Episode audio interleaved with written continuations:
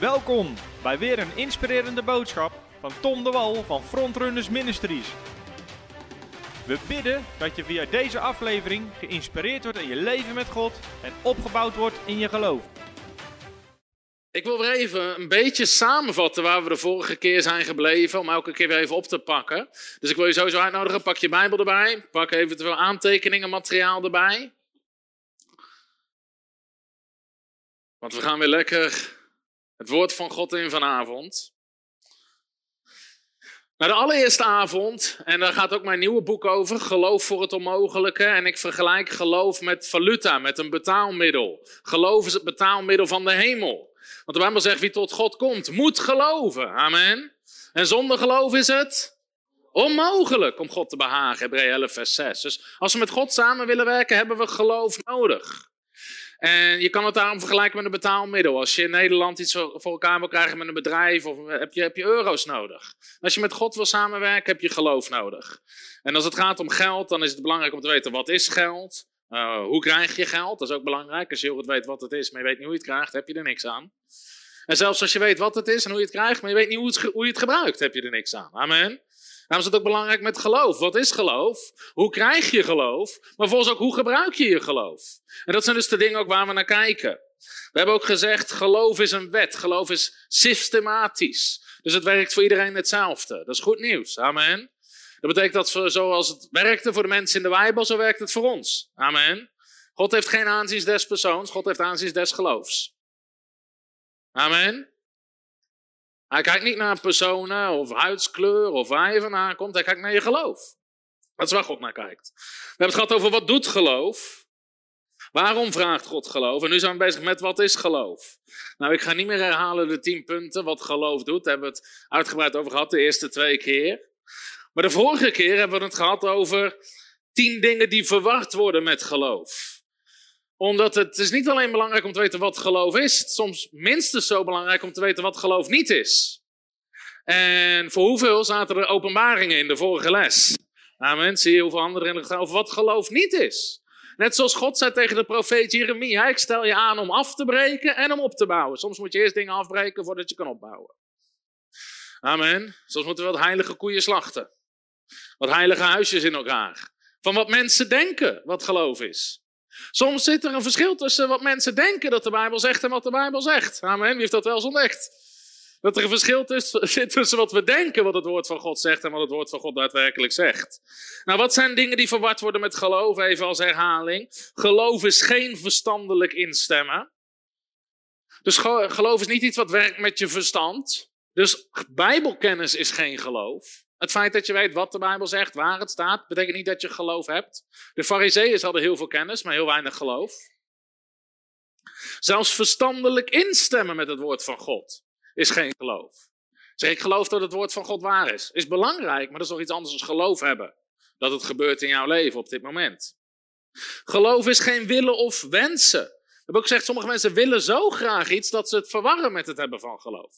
Ik wil heel graag genezen. Of ik zou zo graag zien dat dit of dat gebeurt. En soms willen we zo graag die dingen dat we denken dat we geloof hebben. Maar dat is niet wat geloof is. Geloof is geen hopen. Daar gaan we het vanavond ook nog wat meer over hebben. Maar geloof is geen hopen. Van ik hoop het. We hebben het ook gehad over het verschil tussen hopen en geloof. En daar gaan we vanavond nog wat dieper op in. Geloof is geen gissen. Doet hij het of doet hij het niet? Misschien. Wie weet? Geloof je dat God zich gaat... Wie weet? Wie weet? Nou, de Bijbel zegt niet geloof is wie weet, geloof is zeker weten. Amen. Geloof is geen gissen. Geloof is niet iets in de handen van God leggen en afwachten. We moeten niet afwachten wat God gaat doen, we moeten geloven dat we ontvangen. Amen. Geloof is geen verstandelijke keuze of besluit. Vorige keer kwam na de avond nog iemand naar me toe met een getuigenis. Ik had het voorbeeld gegeven waar iemand zei: Wij gingen echt in geloof staan voor genezing, maar het is niet gebeurd. Dus ik vroeg: Hoe kwam je dan aan dat geloof? Nou, gewoon, we zaten met elkaar en we zeiden: Laten we God gaan geloven voor genezing. Alsof je een besluit. Aan de ene kant is het goed om een besluit te maken, maar de Bijbel zegt: Het geloof is de substantie van de dingen. Dus er moet een bepaalde geestelijke kracht achter komen. En geloof komt door het horen en het horen van het woord van God, zegt de Bijbel. Niet door te kiezen. Dus iemand kwam na de vorige avond naar me toe en die zegt, dat is zo waar. En diegene is er vanavond ook wel, maar ik heb niet gevraagd dat hij zich getuigenis wil vertellen, dus ik haal hem nu niet naar voren. Maar die zei, hij en zijn vrouw konden jarenlang geen kinderen krijgen. Een hele medische molen doorlopen en uiteindelijk gewoon de arts zei, het is onmogelijk dat jullie ooit kinderen krijgen. En toen ze uit het ziekenhuis kwamen, toen zeiden ze tegen elkaar, weet je, weet je, we kiezen ervoor om God te geloven, dat Gods woord waar was. Is een hele belangrijke stap. We kiezen ervoor om in geloof te gaan staan, maar dat is nog geen geloof. En toen waren ze samen, ze zaten naast elkaar en in één keer sprak de Heilige Geest. En de Geest van God gaf een instructie naar wie ze toe moesten gaan om voor hen te bidden. En op dat moment dat, de Geest sprak, boem, kwam een substantie. Ze wisten, nu gaat het gebeuren. Ze wisten het zeker. Die persoon bad voor hen en ze hebben gezonde kinderen gekregen. Halleluja. Maar dan zie je, besluit was belangrijk, maar er moest nog substantie achterkomen. Moest substantie achterkomen. Geloof is geen eigen idee. Sommigen zeggen, ik heb het idee dat. Ik heb het idee dat God dit gaat doen. Ik heb het idee. Nee, God staat achter zijn woord, niet achter jouw idee. Een idee is inspiratie, maar wat we nodig hebben is substantie. Geloof is geen proberen. ik heb dat geprobeerd. Jezus zegt niet wie probeert tegen de berg te spreken. We hebben het gehad over het verschil tussen iets proberen en iets doen. Geloof is niet imiteren, je kan het niet nadoen. En we hebben gezegd, geloof ontstaat niet uit angst voor het verkeerde. Heel veel mensen komen in actie omdat er iets misdraagt te gaan. We moeten met z'n allen bidden, want anders overlijdt die persoon. Dat is geen geloof, dat is angst. Dat is angst. En we geven het label geloof, maar het is geen geloof. Geloof komt niet in actie vanuit angst. Geloof richt zich op de belofte van God en functioneert daaruit. Dus vorige keer hebben we het behoorlijk diep gehad over wat geloof niet is. En we zouden nog meer dingen op kunnen noemen, maar we gaan er nog wel wat neerhalen. Maar vanavond gaan we kijken naar wat geloof wel is. En het goede nieuws als het gaat om wat geloof is, is dat we niet zelf hoeven te verzinnen wat het is. Dus wij zeggen, ja, geloof is, je legt het in de handen van God. Nee, dat is niet geloof. God zelf geeft een definitie van wat geloof is. En God zelf geeft meerdere kenmerken in zijn woord wat geloof is. En ik denk dat het het beste is dat we blijven bij Gods definitie van wat hij zegt dat het is. Amen. Als hij het al uitgevonden heeft, hoeven we het niet opnieuw uit te vinden. Amen. Dus God heeft ons in zijn woord verteld wat geloof is. En dat is zo bijzonder aan geloof. Je mag met me meegaan naar Hebreeën hoofdstuk 11, vers 1. Ik heb prijs de Heer. Halleluja. Kijk, die persoon die zo profetisch, die heeft van tevoren al gebeden. Heer, waar gaat hij beginnen? En die was er al. Hebreeën 11, vers 1. Nou, het bijzondere is, God geeft zelf een definitie van wat geloof is. Daarnaast zijn er nog meerdere kenmerken uit het woord van God, wat God ons geeft, wat geloof is. Maar dit is de definitie die God zelf geeft aan geloof. Hebreeën 11, vers 1, en ik lees hem nu uit de herziene statenvertaling. Ik vind zelf dat de MBG vertaalt hem ook heel krachtig. De HSV zegt het geloof nu is een vaste grond van de dingen die men hoopt en een bewijs van de zaken die men niet ziet. Dat is de HSV. De MBG zegt dit. Het geloof nu is de zekerheid der dingen die men hoopt en het bewijs van de dingen die men nog niet ziet. De Engelse vertaling zegt now, is, now faith is the substance of things hoped for. Dat staat, het is de substantie van de dingen die we hopen en een bewijs van de dingen die we nog niet zien. Nou, waar ik het meest mee zal werken is de MBG, omdat hij hem heel krachtig vertaalt. En vanavond wil ik eens wat dieper ingaan op zeven kenmerken die God ons geeft vanuit Hebreeën 11 vers 1 van wat geloof is. Er zitten zeven kernwoorden als het ware in deze definitie die God geeft van geloof. En als we Gods definitie van geloof gebruiken, gaan we ook Gods resultaten krijgen. Amen. Als we Gods definitie van geloof gebruiken, gaan we ook Gods resultaten krijgen. Ik heb hem hier ook eventjes op het whiteboard gezet. Alleen misschien is het niet voor iedereen goed te lezen achterin. Het geloof nu is de zekerheid van de dingen die men hoopt en een bewijs van de dingen die men niet ziet. Het eerste waar de definitie mee begint is het geloof. De Engelse vertaling begint met now, met het woord nu, nu geloof is. Maar de Nederlandse vertaling begint met het geloof. Nou, we hebben gezien dat de eerste les dat er verschillende soorten geloof zijn. Er zijn verschillende soorten geloof. Maar als je kijkt naar Hebreeën 11 vers 1, over welk soort geloof heeft God het hier? Het geloof nu is de zekerheid van de dingen. Het geloof waar God hier naar verwijst is Gods soort geloof. Namelijk het geloof wat beloftes van God ontvangt. Hoe weet je dat? Als je verder leest in Hebreeën hoofdstuk 11 vers 1, dat noemen we ook wel het geloofshoofdstuk. En in Hebreeën 11 staat constant door het geloof. En dan wordt er verteld over een man of een vrouw van God die door geloof bijzondere dingen van God ontving of bijzonder door God gebruikt werd. Waarom zeggen bijvoorbeeld door het geloof heeft Noach de ark gebouwd toen hij een aanwijzing kreeg van God. Kun je het voorstellen? Sommige mensen snappen dat verhaal uit Genesis niet. Het had nog nooit geregend. De dauw bevochtigde de aarde. Het had nog nooit geregend. En God verschijnt aan Noach. En zegt, Noach, bouw een boot. Want ik ga oordeel brengen over de aarde. En 120 jaar lang bouwde Noach aan zijn ark. Geen regen te zien. Geen water te zien. Mensen wisten niet eens wat regen was. Vroegen mensen aan Noach, wat ben je aan het doen? Een boot aanbouwen. Waarom? Het gaat regenen. Wat gaat het? Wat gaat het? Hoe hield Noach dat vol? Door geloof. Amen. En hij ontving de belofte van God en hij werd bijzonder door God gebruikt. En er staat een verhaal over Sarah en Abraham en allerlei mensen die door geloof met God wandelden. Het is Gods soort geloof. Nou, er zijn allerlei andere soorten geloof. Je hebt ook menselijk geloof of werelds geloof. Mensen zeggen, je moet geloven in jezelf. Ik sprak een tijdje terug iemand, ik ging ergens iets kopen en uh, die, die, die, vroeg, wat doe je voor werk? Nou, dan heb je met mij meteen een heel gesprek. Ging over, hij zegt, nee, ik geloof in mezelf. Het ding is, je kan jezelf niet redden. Je kan je eigen zonde niet vergeven. Maar dat is wat de wereld mensen leert. Je moet geloven in jezelf. Nee, je moet geloven in God. Amen. En dat is stap 1. En daarna moet je God op zijn woord gaan geloven. Geloven dat zijn woord waarheid is. Je hebt ook menselijk geloof. Menselijk geloof.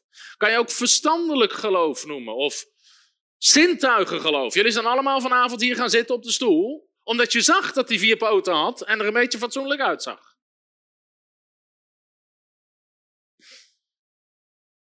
Dat is menselijk geloof. Dat is geloof door onze zintuigen. Je ziet iets en daarom geloof je het. Dat is menselijk geloof. Nou, dit is het geloof wat de discipel Thomas had. Toen Jezus opstond uit de dood, toen zei hij: Als ik mijn handen niet in zijn littekens.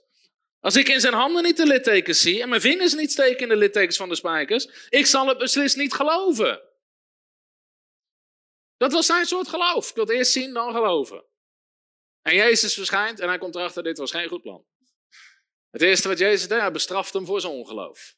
Jezus zegt, zalig zijn zij die geloven terwijl ze niet gezien hebben. Amen. Dat is Gods soort geloof. Je mag even meegaan naar Marcus hoofdstuk 11.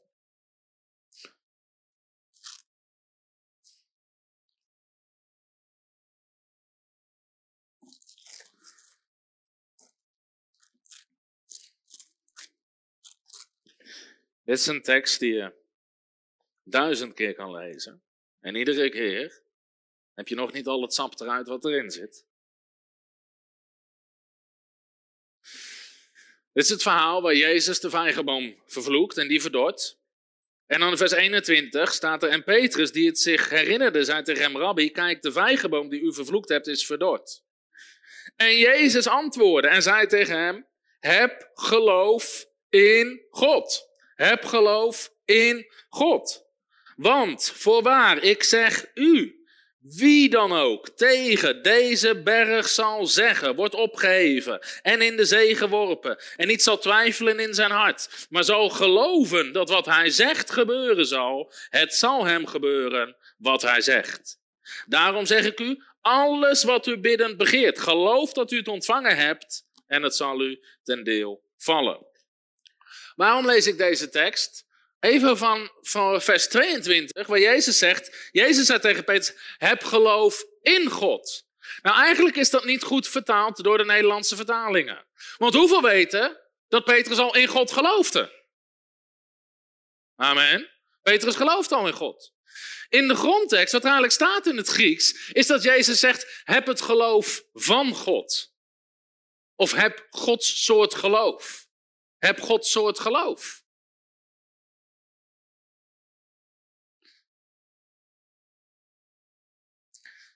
Wat is het geloof Wat is Gods soort geloof? Is je geloof gebruiken zodat dingen gebeuren.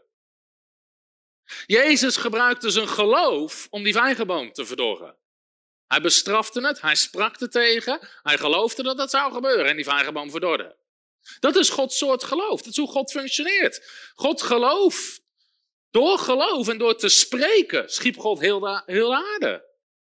God zei en het was zo. God zei en het was zo. Dat is de manier waarop God functioneert. God gebruikt zijn geloof en de woorden uit zijn mond om dingen te veroorzaken. En Jezus wil ons leren dat wij in bepaalde mate op dezelfde manier kunnen functioneren. Dus hij zei niet tegen Petrus, ja Petrus, dat komt omdat ik de zoon van God ben, maar denk me niet dat jij hetzelfde kan doen. Nee, dat is ook iets wat mensen vertellen, wat predikers vertellen. Hoeveel weten dat Jezus de wonderen deed omdat hij Gods zoon was? Zit iedereen, ja, ja. Nee, nee, niet ja, ja, nee, nee. Door de Heilige Geest deed hij het. Hij was de zoon van God, maar hij deed het niet omdat hij de zoon van God was. Hij deed het door de Heilige Geest. Handelingen 10, vers 38. Hoe God Jezus van Nazareth, zijn menskant, wordt daar beschreven, gezalfd heeft met de Heilige Geest en met kracht. Jezus deed het door de Heilige Geest. Daarom deed Jezus pas wonderen vanaf het moment dat hij 30 jaar oud was, gedoopt werd in de Jordaan en de Geest van God op hem kwam. En het eerste wonder was water in wijn veranderen. Waarom zegt dat was het eerste teken wat hij deed. Dus voor die tijd deed hij geen wonderen. Jezus deed, het was niet zo dat omdat hij de zoon van God was, dat hij met ticketjes als kind snel het water oprende, zodat niemand hem kon tikken. Dat als ze op zaterdagavond friet aten, dat Jezus snel de frikandellen vermenigvuldigde op zijn bord, zodat hij meer had dan de rest. Dat als een goudvis stierf, dat hij hem opwekte uit de dood. Nee, het eerste wonder, zegt de Bijbel, was dat hij water in wijn veranderde. Door de Heilige Geest deed hij dat. Je hebt dezelfde Heilige Geest als Jezus. Amen. Daarom zegt Jezus, hij die in mij gelooft zal dezelfde werken doen als ik en nog grotere. Omdat jij het niet bent, het is de Heilige Geest door jou. Amen. Maar dat gaat alleen maar door Gods soort geloof. Als wij God kunnen geloven, dat dingen beginnen te gebeuren als we God te geloven. Amen. Dus het geloof, wat voor soort is het? Het gaat over Gods soort geloof. Het is geloof wat spreekt. En dat je gelooft dat wat jij zegt gebeuren zal. Dat is het soort geloof. Het is geloof wat de beloftes ontvangt. Het is geloof waardoor dingen beginnen te gebeuren. En dat is wat christenen weer moeten leren. Omdat, ik heb aangegeven in de eerste les over vijf soorten geloof. Heel veel mensen zeggen, ik geloof in God. We hadden iemand die kwam naar onze bijbelschool en een vriendin van haar had eruit gegaan en zegt, joh, je moet naar de frontrunners bijbelschool gaan. Dus ja, wat leer ik dan? Ja, daar leer je geloof. En die zei, ach, ik, ik geloof al. Zei ik geloof al. Ik geloof in God. Maar ze zei vooruit, voor jou ga ik mee. En ze ging mee naar de bijbelschool. En op een gegeven moment kwamen we aan bij de module geloof. En ze dacht, nou ja, ik geloof al in God. Dus ik ga niks leren, deze module, dacht ze. Daar zat ze naast. En aan het eind getuigde ze. zegt, joh, mijn totale leven is veranderd. Ik heb geleerd niet alleen om te geloven in God, of dat God bestaat. Ik heb geleerd om God te geloven op zijn woord. En dat er dan dingen beginnen te gebeuren. Amen. We moeten leren om God te geloven op zijn woord.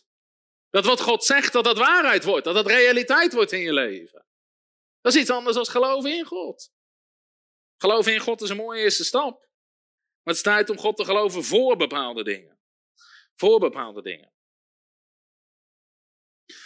Dus dat is het soort geloof waar God het over heeft. Gods soort geloof. Waardoor dingen gebeuren, waardoor dingen veroorzaakt worden, waardoor je dingen ontvangt. Dan zegt de definitie van geloof: het geloof nu is de zekerheid van de dingen die men hoopt. Ik ga straks even op de tussenliggende gedeeltes in. Ik wil het nu nog even hebben over wat is het geloof? Het geloof is nu de zekerheid van de dingen die men hoopt die men hoopt. Ik wil het nog even hebben over het verschil tussen hoop en geloof en hoe die twee samenwerken. Ik heb de vorige keer ook gezegd, de meest voorkomende fout die veel christenen maken, is dat ze hoop en geloof omwisselen. Ze wisselen hoop en geloof om. Ze denken dat ze geloof hebben, terwijl ze in werkelijkheid hoop hebben. En hoop is heel belangrijk, want het is een eerste stap naar geloof toe. Dus als we even een trap zouden tekenen. Even kijken of ik dat. Je hebt, als je een trap hebt. En je wil geloof hebben. je zou altijd eerst hoop moeten hebben. Want het geloof nu is de zekerheid van de dingen die we hopen. Dus je moet eerst iets hopen, anders kan je nergens voor geloven. Amen. Het geloof nu is de zekerheid van de dingen die we hopen. Alleen, alleen hoop is nog niet genoeg. Hebreeën 11 vers 1 zegt niet, het geloof nu is wat we hopen. Dus de meest voorkomende fout is dat veel christenen hoop en geloof omwisselen.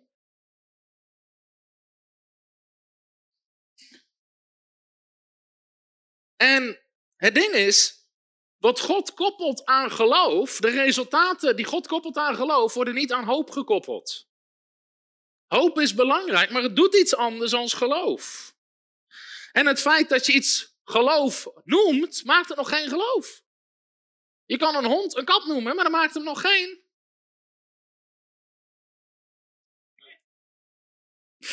Dat is instinker, hè? Je zegt mensen denken, je kan een hond een kat noemen, maar dat maakt het nog geen. Kat. Je kan een kilo appels kopen, zeg het is een kilo bananen, maar dat is het niet. Je kan zeggen dat je geloof hebt, maar als het in werkelijkheid hoop is, je kan die twee niet omwisselen. De Bijbel zegt nergens, uw hoop heeft u genezen. Jij zei, je geloof heeft je genezen. Jezus zegt niet, alles is mogelijk voor wie hoopt, maar alles is mogelijk voor wie gelooft. De Bijbel zegt niet, zonder hoop is het onmogelijk om God te behagen, zonder geloof is het onmogelijk om God te behagen. Jezus zei nooit, het geschieden naar uw hoop, hij zei, het geschieden naar uw geloof. Jezus zegt niet, wanneer u bidt, hoop dat u het ontvangen zult. Hij zei, geloof dat u het ontvangen hebt. Het is door geloof, niet door hoop, dat we de beloftes van God ontvangen. Dus het is belangrijk dat we weten wat het verschil is tussen hoop en geloof. We hebben het de vorige keer ook gehad over het verschil tussen menselijk geloof en goddelijk geloof. Of gewoon natuur of, of hoop, sorry. Menselijke hoop versus goddelijke hoop. Of bijbelse hoop.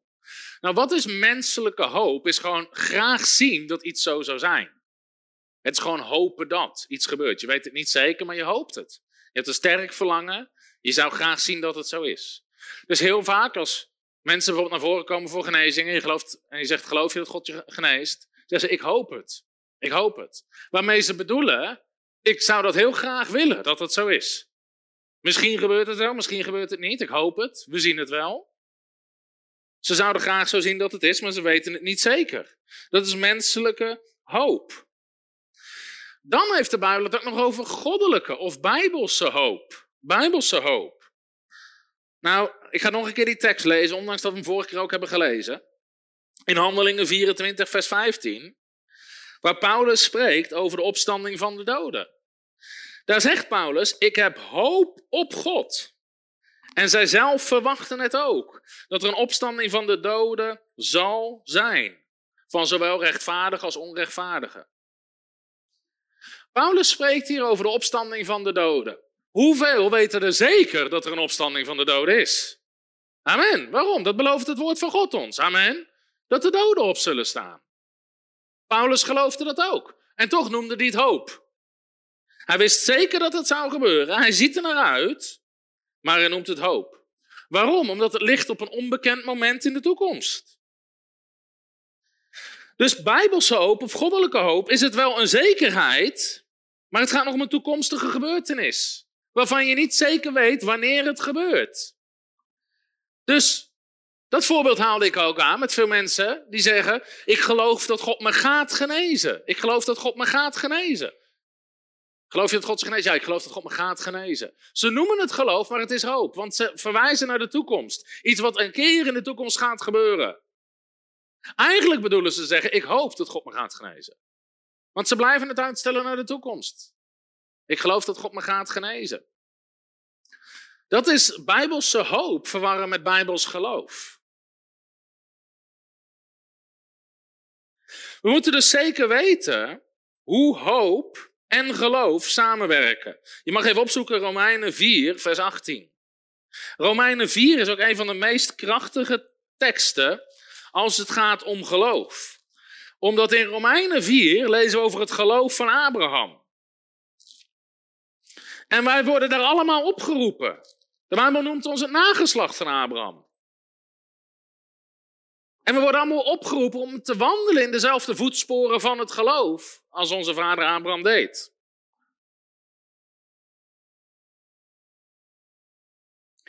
Laten we even lezen vanaf vers 17. Daar staat dit.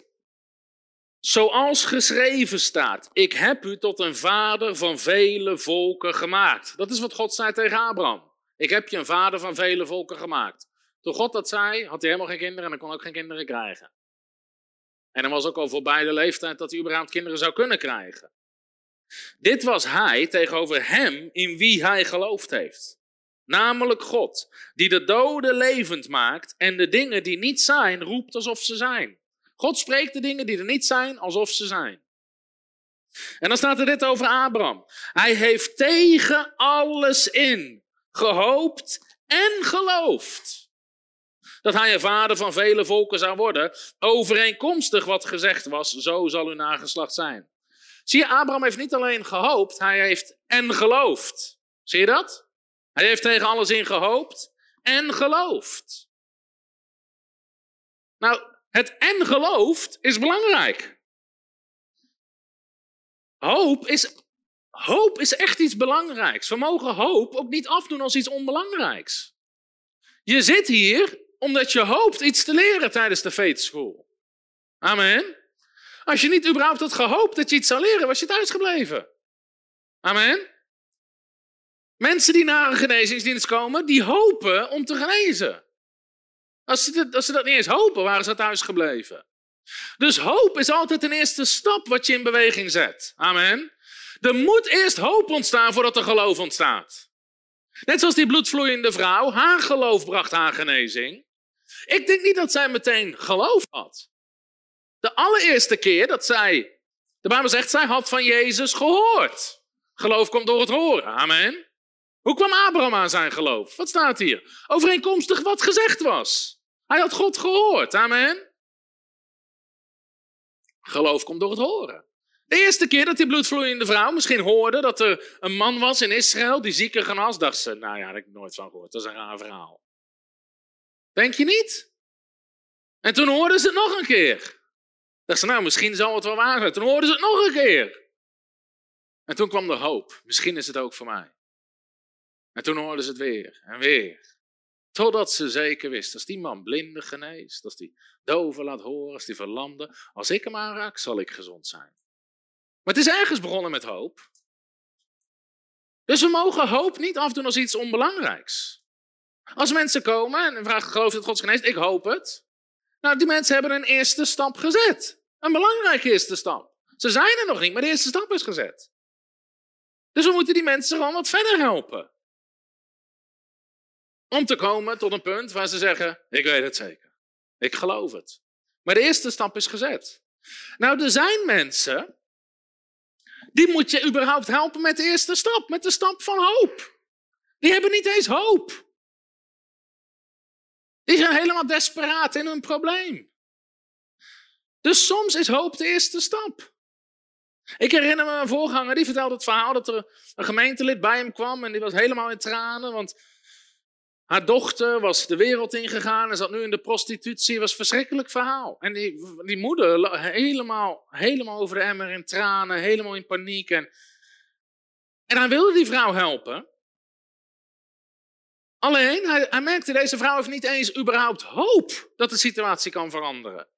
Dus hij begon gewoon, eerst, hij zei tegen die vrouw, doe je ogen dicht. Hoe zou je willen dat het leven van je dochter eruit ziet? Ga je eens voorstellen, in plaats van, want de enige was, oh, prostituee, en oh, dit, en oh, op de straat, en oh, de enige waar die vrouw het over had, die had eens hoop. Dus hij begon gewoon helemaal aan het begin. En dan moest die vrouw echt helpen. Van oké, je wil gewoon dat ze een gezond huwelijk heeft. Dat ze de heren dient. Dat ze gezonde kinderen heeft. Eerst begon ze gewoon dat plaatje. En weet je, ga je jezelf nou eens voor je zien. Ga eens met dat beeld over je eigen kind zitten. In plaats van het beeld wat je nu hebt. Hij begon eerst het plaatje in haar hoofd te veranderen. Soms is het belangrijk dat mensen het plaatje in hun hoofd veranderen. Dat deed God ook bij Abraham. Abraham, kijk naar de sterren. Hij begon iets in zijn geest te plaatsen. Hij begon iets in zijn geest te plaatsen, hoe het zou zijn. En toen die vrouw, en daarna begon hij ook met de beloftes uit Gods woord, wat Gods woord daarover zegt. Over je nageslacht zal machtig zijn op aarde. Je, je, je huis zullen de heren dienen. Groot zal zijn de vrede van je. Hij begon de beloftes uit Gods woord in die vrouw te zaaien. En toen begon hij de principes van geloof te leren. Hij zegt, nu ga je spreken in lijn met je geloof. Nu gaan we bidden en we geloven dat we ontvangen. En die dochter, wonderbaarlijk, werd uit de prostitutie gehaald, kikt af van de drugs en dient de Heer. Maar het begon met eerst, sommige mensen zitten zo in paniek. Soms moet je eerst beginnen, die hebben niet eens hoop. Dan kan je niet eens verwachten dat ze geloof hebben. Je moet ze eerst eens hoop geven. En daarom, als het gaat om het woord van God, vaak zijn we te gehaast met het woord van God. Ook als het gaat om kerken, bedieningen en predikers. Ze willen altijd dat alles in één dienst gebeurt. Maar dat is niet altijd zo. Mensen moeten onder het woord zitten. En soms moeten mensen twintig diensten onder het woord zitten. Daarom hou ik zo van genezingscampagne, waar we dienst na dienst na dienst hebben. En sommige mensen zitten de zes diensten en de zesde dienst genezen ze. Dat kan. Daarom is het woord, net zoals de gelijkenis van de zaaien. Je zaait het woord, je zaait het woord, je zaait het woord. Net zolang tot het valt in goede grond.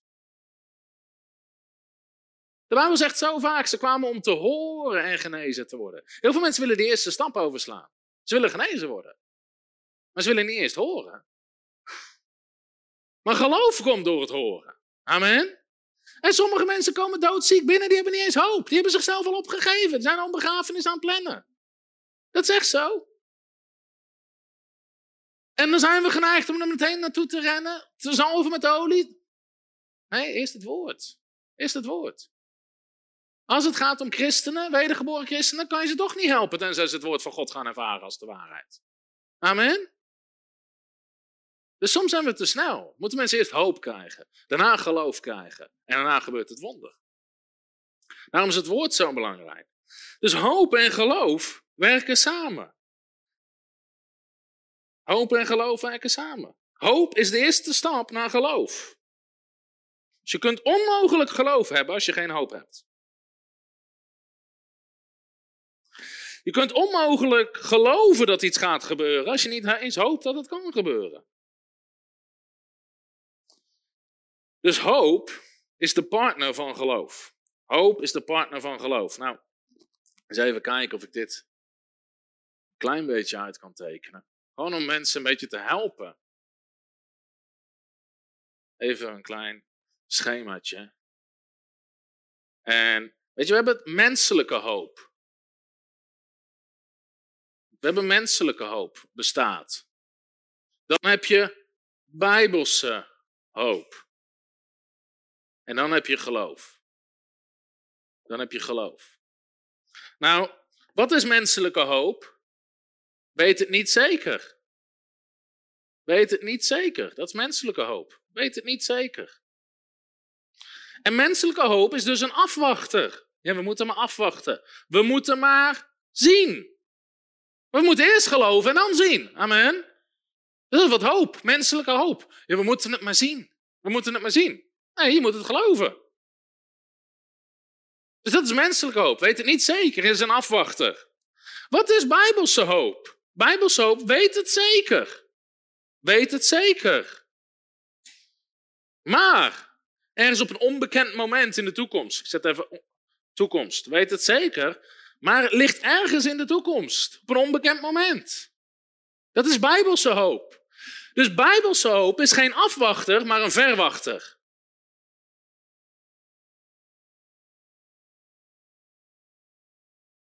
Maar wat is geloof? Geloof is de zekerheid van de dingen die we hopen. En wat is geloof? Is eigenlijk een, is de ontvanger, is de beetpakker.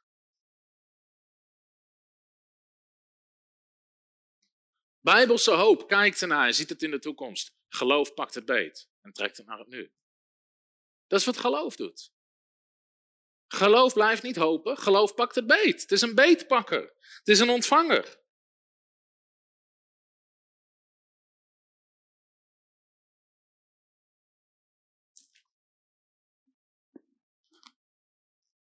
Dan komen we bij het volgende stuk van de definitie van geloof. En dat lijkt misschien onbelangrijk, maar de Bijbel zegt het geloof nu is. Iedereen zegt nu is. Het geloof nu is. Nou, dat lijken misschien onbelangrijke woordjes, maar dat is het niet. De Engelse vertaling zet het zelfs vooraan. Now faith is. Now faith is. Het geloof nu is. Dat leert ons dat geloof is altijd tegenwoordige tijd. Geloof is tegenwoordige tijd. De Bijbel zegt niet het geloof nu wordt de zekerheid. Even TT, iedereen die op de basisschool heeft gezeten, weet dat dat een afkorting is voor tegenwoordige tijd. Het geloof nu is. Het toont ons, het geloof is tegenwoordige tijd. Waarom zegt niet het geloof nu wordt de zekerheid? Dat is weer toekomst. Ik ga genezen worden, ik ga, het gaat toekomst. Waarom zegt niet het geloof nu zal zijn? Ook niet het geloof nu werd de zekerheid van de dingen, of nu was. Geloof gaat om nu. Geloof is nu. Daarom zegt de Engelstaling nu het geloof is de zekerheid van de dingen. Iedereen zegt nu. Dat is wat geloof is. Geloof is nu. Geloof is tegenwoordige tijd. We kunnen onmogelijk, als we het over hoop hebben, kunnen we naar een onbekend tijdstip in de toekomst verwijzen. Als het, geloof, als het om geloof gaat, niet. Ik geloof dat God me gaat genezen, is geen geloof, het is eigenlijk hoop. En sommige mensen zeggen, ja, maar dat is, dus, dat is wel heel radicaal. Dat is, nee, dat is, vergelijk het met vergeving van zonde. Vergelijk het met redding. Als mensen zeggen, ik geloof dat God me gaat redden. Ik geloof dat God me op een dag zal redden. Ik geloof dat God me op een dag zal vergeven. Ik geloof dat God op zijn tijd. Wat zeg je tegen iemand? Nee, nu. Nu kan je ontvangen, je redding. Nu kan je je zonde vergeven worden. Nu kan je het ontvangen. Het gaat niet om de toekomst. Weet je, als het gaat om eeuwig leven, sommige christenen denken dat eeuwig leven begint op de dag dat ze hier sterven. Maar de waarheid is, eeuwig leven heb je nu al. Je bent al overgezet van het koninkrijk van de duisternis naar het koninkrijk van het licht. Jij hebt nu al eeuwig leven in je. Jij leeft nu al eeuwig. Amen. Dat is niet iets wat gaat gebeuren, dat heb je al. Zeg eens, ik heb eeuwig leven. Dat is iets wat je nu al hebt. Het geloof nu is. Nou, ik weet niet of je nog bij Marcus 11 zit. Ik denk het niet, want als je daar nog zit, had je Romeinen 4 niet opgezocht. Marcus 11.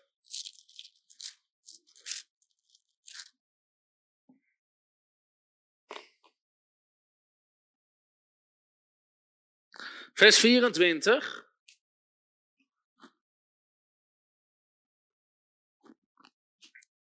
Daarom zeg ik u, alles wat u biddend begeert, geloof dat u het ontvangen zult, zegt de HSV, maar die is verkeerd vertaald. In de grondtekst staat er, geloof dat u het ontvangt.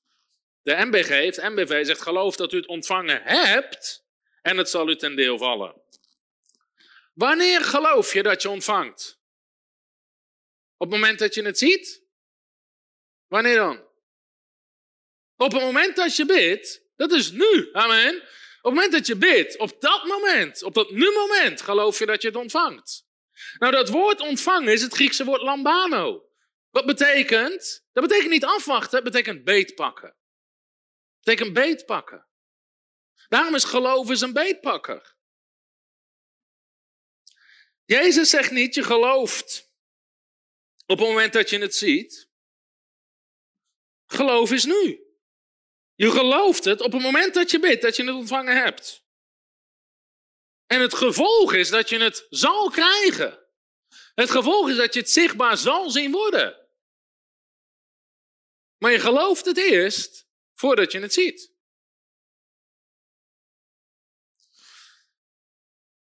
Nou, heel veel christenen vinden dit moeilijk om te beseffen. En weet je waarom dat zo is? Omdat ze zo getraind zijn met hun natuurlijke zintuigen. Zelfs als we getuigenissen posten van wonderen die gebeuren. Wil je niet weten hoeveel christenen er reageren? Wil het eerst zien, dan geloven. Dat is jouw grote probleem.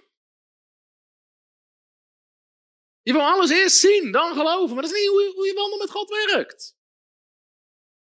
We zijn zo in ons verstand en in onze. Niet eens verstand, het is gewoon stom. Het is gewoon stom. Als dat echt is hoe je denkt, stop met christen zijn. Sommigen hoe kan je dat zeggen? Gewoon met mijn mond. Dat was wat Thomas zei. Ik wil het zien en dan zal ik het geloven. En jij zegt nee, zalig zijn zij die niet zien, maar toch geloven. Ik heb nooit gezien dat Jezus aan het kruis ging, maar ik geloof het wel. Ik heb nooit gezien dat die spijkers door zijn handen gingen, maar ik geloof het wel. Ik heb nooit gezien dat hij in het graf werd gelegd, maar ik geloof het wel. Ik heb nooit gezien dat hij opstond uit de dood, maar ik geloof het wel. Amen. Ik kan niet zien dat hij aan de rechterhand van God zit, maar ik geloof het wel. Je hele geloof is gebaseerd op geloof. Ik geloof niet in wonderen. Dan kun je geen christen zijn. Stop ermee. Word moslim. Mohammed werd vergiftigd en die stierf. Jezus Christus genas de zieken. Ik geloof in wonderen. Amen. En als ik moet kiezen tussen iemand die stierf aan een ziekte en iemand die zieken genas, kies ik voor deze lijn. Amen. Halleluja. Voor alle moslims die zitten te kijken.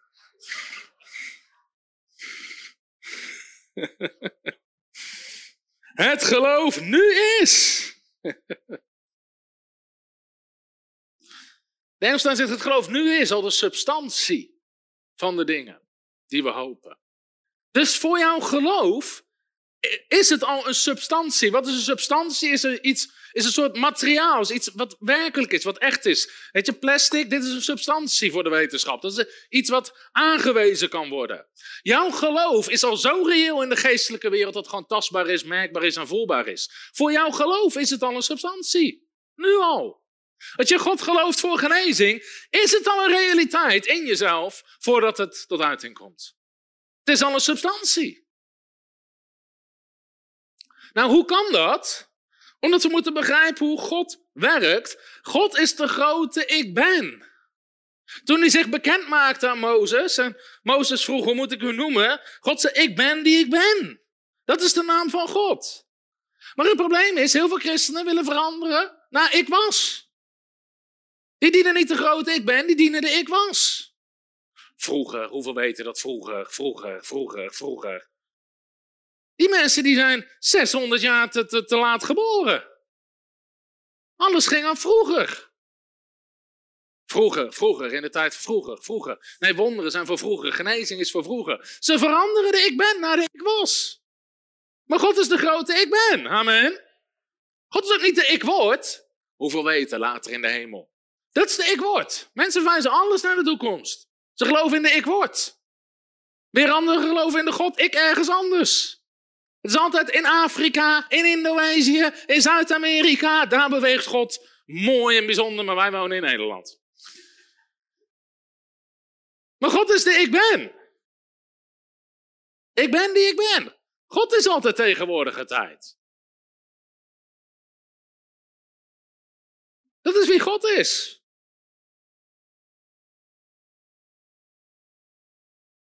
Niet ik zal zijn, of ik word, of ik misschien. God is de grote ik ben. Dat betekent, God is altijd aanwezig. En God, wat nog belangrijker is om te beseffen, ik heb een preek op YouTube staan, die heet God is nooit jouw probleem. Wie heeft, wie heeft die geluisterd? Zoveel mensen hebben die geluisterd. In het onderwijs laat ik zien dat God heeft alles al gedaan. God heeft alles al gedaan. God is klaar. Toen Jezus aan het kruis stierf, riep hij: Het is volbracht. Het is volbracht. Voor God is alles al gedaan. En voor mensen die een beetje houden van profetische betekenissen. Toen de twee discipelen, Johannes en Petrus, in het Evangelie van Johannes, naar het graf renden. En ze komen binnen. Wat zien ze daar? Ze zien de doeken liggen. En het doek die om Jezus hoofd zat, was opgerold. Maar het doek wat om zijn lichaam zat, lag daar los. Wat is de betekenis? Het hoofd is klaar. Het hoofd is volbracht. Maar het lichaam, dat zijn wij. Amen. Wij zijn nog niet klaar. Wij zijn hier nog op aarde. Wij moeten hier nog aan de gang. Maar alles is al volbracht. Je zonden zijn al vergeven. 2000 jaar geleden is de prijs ervoor betaald. Het enige wat jij hoeft te doen is het nu te ontvangen door je geloof. Amen. Hetzelfde geldt voor de vloek. Je hoeft niet onder een vloek te leven. Christus is een vloek geworden aan het kruis, opdat de zegen van Abraham op jouw leven zal zijn. Dezelfde zegen als op Abrahams leven is op jouw leven. Er hoeven niet allerlei vloeken gebroken. Die vloek is al verbroken. Hoe stap je daarin? Door het geloof. Door het geloof. Er hoeft niks meer voor gedaan te worden. De duivel is al verslagen. Hij is al ontwapend. Daar hoeft niks meer voor te gebeuren. We binden de duivel. Jezus heeft het al gedaan. De dienst daarna weer. We binden. Is dat ding zo glad als een paling dat je dit iedere week moet doen? Wat is er aan de hand? Begin te geloven dat dat ding al onder je voeten is. Amen. Hetzelfde met genezing. De Bijbel zegt in Isaiah 53, daar staat, hij heeft onze ziekte gedragen. En door zijn striemen zijn we genezen. En als Petrus het dan citeert in 1 Petrus 2 vers 24, daar staat dit, daar zegt Petrus, hij zegt, door zijn striemen bent u genezen. Petrus zegt niet door zijn striemen gaat u genezen. Door zijn striemen ben je genezen. God heeft het al gedaan. De prijs voor ziekte is al betaald aan het kruis. De prijs voor de vloek is al betaald aan het kruis. De prijs voor voorziening is al betaald aan het kruis. De prijs voor... Het is allemaal al gedaan, 2000 jaar geleden. Daarom snap ik niet dat mensen kunnen zeggen, ik geloof niet dat het altijd Gods wil om te... Te laat! Het heeft, het al lang gedaan. De prijs is al lang betaald voor genezing. Hoeveel weten dat het niet altijd Gods wil is om te genezen? Hoeveel weten dat het beter is dat jij niet meer preekt, doordat je je Bijbel goed gelezen hebt? Vroeger zei ik dan iets wat nog harder was, maar daar heb ik, maar, ben ik maar mee gestopt. Op lief aanwijzen van mijn vrouw. maar het is al lang gedaan. Alsof God nu in de hemel zit en denkt, ja, ik wil het toch niet meer. Het slaat nergens op. Ze hebben moeite om het te ontvangen door geloof.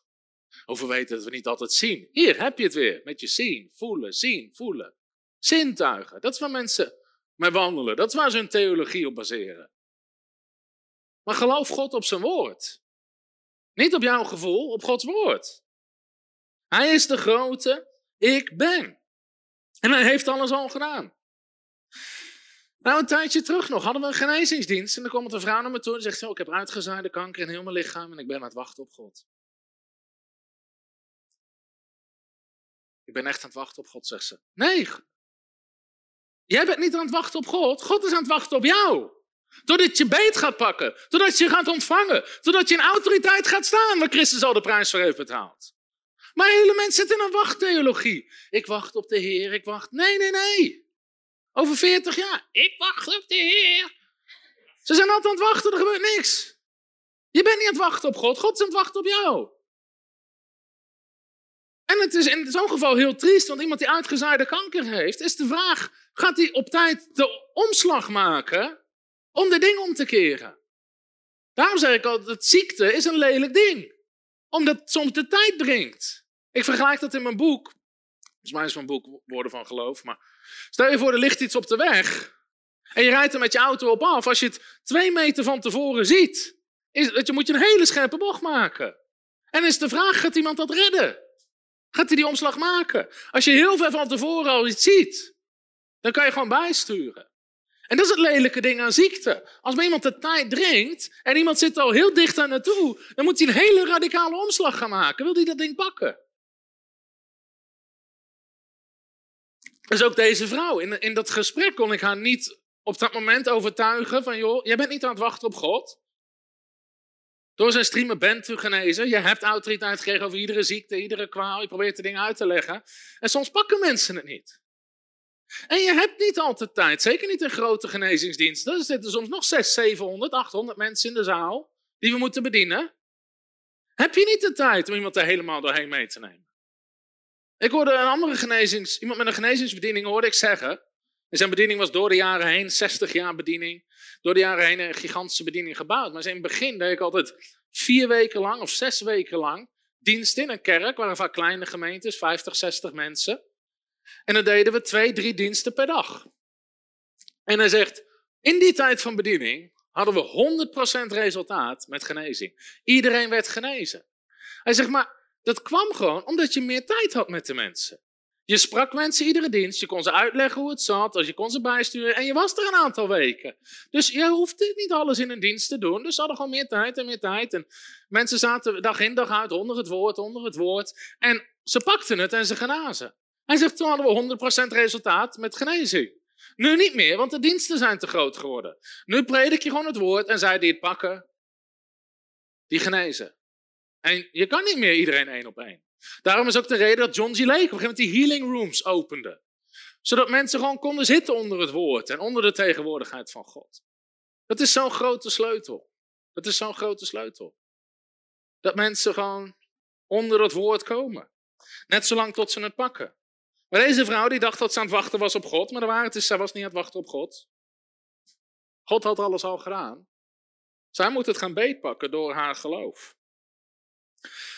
Dus daarom moeten mensen niet geloven dat ze genezen gaan worden. Je bent al genezen door zijn streamen. De prijs is al betaald en nu ga je het ontvangen. Nu ga je het beetpakken in geloof. Maar dat verandert je hele beeld aan God. Maar mensen zeggen, waarom heeft God dit of dat niet gedaan? Heeft hij wel. Het ligt niet aan God. Het ligt niet, hij heeft het al gedaan. Hij heeft het al gedaan, dus je kan het nooit bij God wegzetten. Sommige mensen zeggen, maar waar ligt het dan aan? Kunnen meerdere redenen hebben, maar één ding weet ik zeker, het ligt niet aan God. Want hij heeft het al gedaan.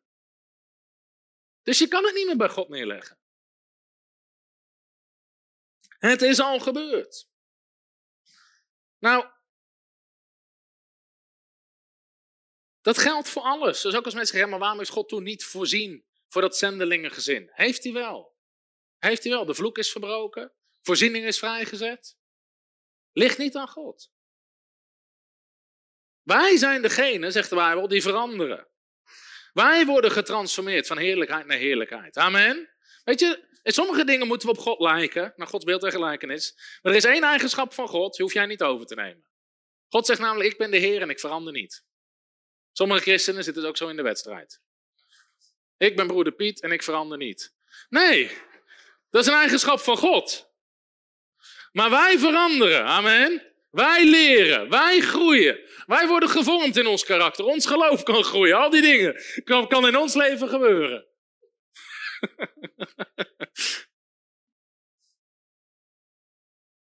God heeft alles al gedaan. Dus als iemand gered wil worden, is het niet in de toekomst dat iemand redding zoekt. Iemand moet nu gered worden. Anders is het misschien te laat. Het is nu beschikbaar. Je gelooft dat je nu ontvangt. Hetzelfde geldt voor genezing. Hetzelfde geldt voor de doop in de Heilige Geest. We bedienen vaak de doop in de geest en het spreken in tongentaal naar mensen. En in mijn onderwijs, het enige wat ik mensen laat zien, is dat je ontvangt de doop in de geest door geloof. Bijbel zegt gewoon, als je vraagt om de geest, dan krijg je de geest. Dus op het moment dat we straks gaan vragen om de Heilige Geest, word je vervuld met de Heilige Geest. En je ontvangt dat in geloof, of je het nou voelt of niet. Sommigen zeggen, ik heb geen kippenvel. Je hoeft geen kippenvel te hebben. Kan jou wat schelen? Of je kippenvel hebt of niet, of weet ik veel wat. Je gelooft dat je ontvangt.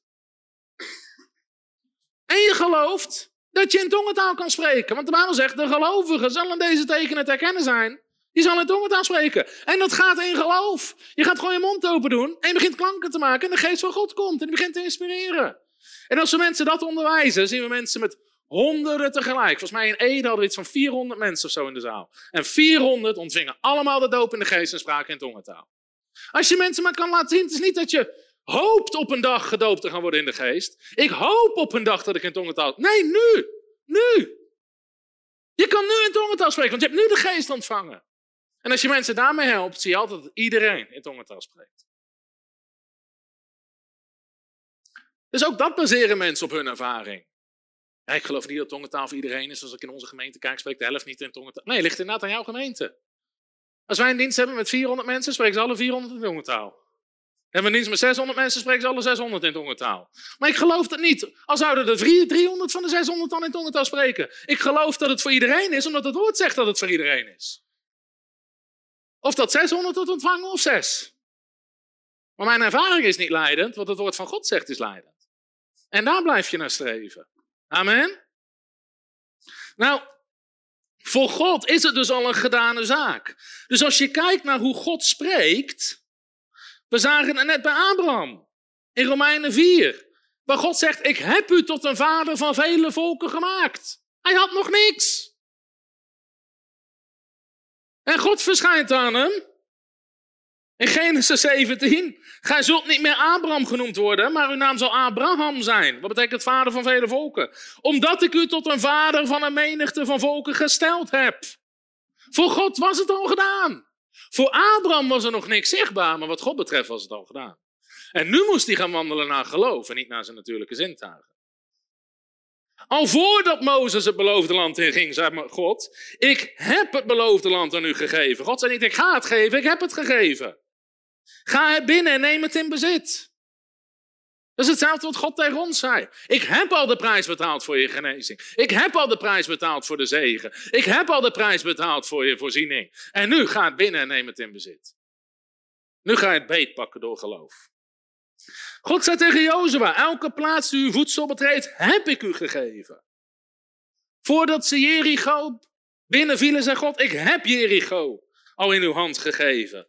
God spreekt alsof het een gedane zaak is. Omdat vanuit Gods perspectief is het een gedane zaak.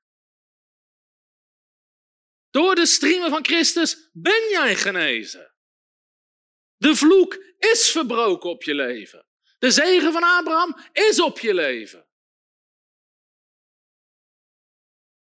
Daarom is God nooit in paniek, want alles is al geregeld.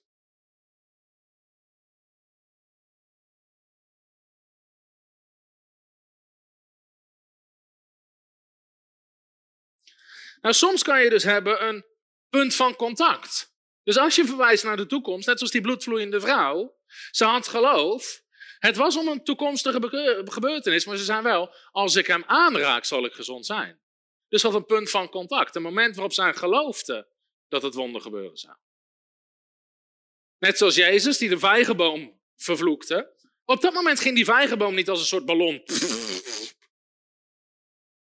De Bijbel zegt, de volgende dag, toen ze langs liepen, zei Petrus, Heer, kijk, de vijgenboom is vervloekt.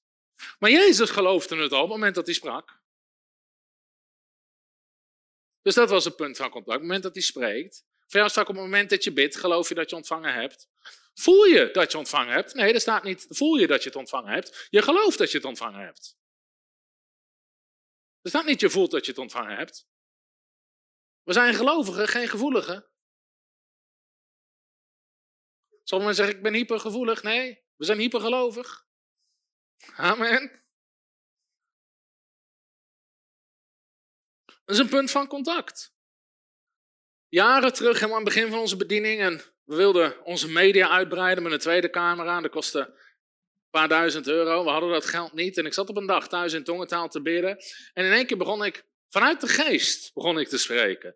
Wie herkent dat? Dat soms vanuit de geest van God begin ik iets te zeggen. En terwijl ik zat te bidden, zei ik, binnen drie dagen zullen we een nieuwe statief en camera hebben in Jezus' naam. Nou, er stond geen geld op onze rekening daarvoor, maar ik sprak in geloof. En ik wist, dit is de geest van God die sprak. En dus twee dagen gingen voorbij, de derde dag. Ik zei, nou, vandaag moet het gebeuren. Dus ik dacht, weet je wat ik ga doen? Ik ga het gewoon kopen. En ik geloof op het moment dat ik het koop, dat geld er zal zijn. Dus ik moest naar twee verschillende winkels toe. Ik had geld voor het statief, niet voor de camera. Uh, of, of, wel voor de camera uh, en niet voor het statief, moest ik ergens anders halen. Dus ik ging eerst de camera halen, kon ik betalen. En toen ging ik naar de winkel toe met die statieven. Ik zei, ik zoek een statief voor deze camera, goed statief. Dan moet je deze hebben. Ik zei, oké, reken hem af. Ik had geen geld op mijn rekening om af te rekenen. Ik zei, reken hem af. En we zijn zegt dat is dan, ik noemde een bedrag iets van 300, 400 euro. Zeg, is goed, ik pin, piep, transactie akkoord. Halleluja. Achteraf dacht ik, ben benieuwd wat er gebeurd is. De minuut dat ik betaalde, werd er een gift overgemaakt. Van precies het bedrag van de camera. was een punt van contact. Ik geloof op het moment. Nou, geloof kan je niet imiteren, dus morgen niet met z'n allen naar de Audi-dealer toe.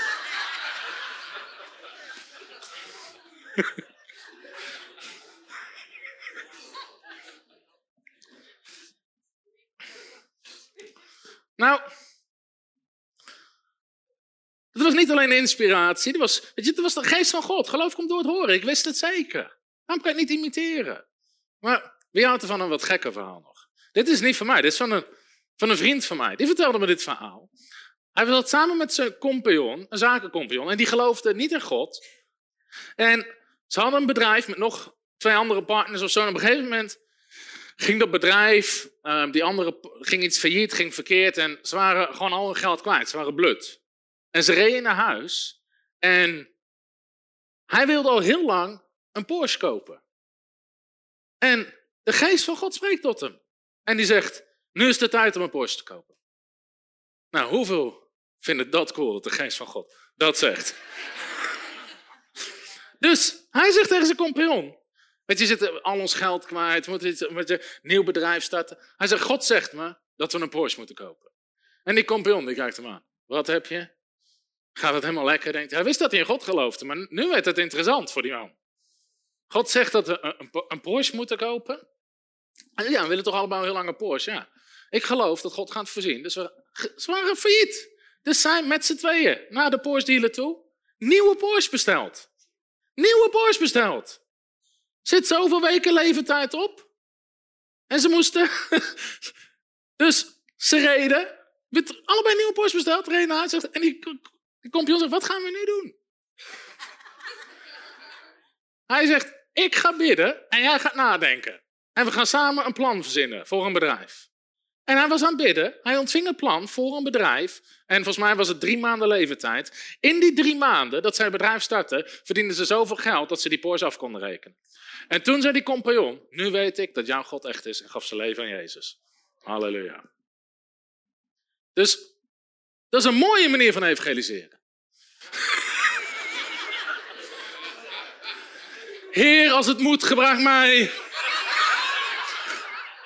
Oh nee, wacht, ik heb het verhaal van Jona gelezen. Nee, heer, niet ik, niet ik, heer, niet ik. nou, je kan morgen niet naar de Porsche gaan en een Porsche bestellen. Ofwel, als je het geld hebt. Maar anders heb je wel nodig wat God het zegt. Dus niet imiteren. maar, maar eigenlijk ze geloofden dat ze ontvangen hadden. Dan komen we bij het volgende punt. Het geloof nu is de zekerheid. De zekerheid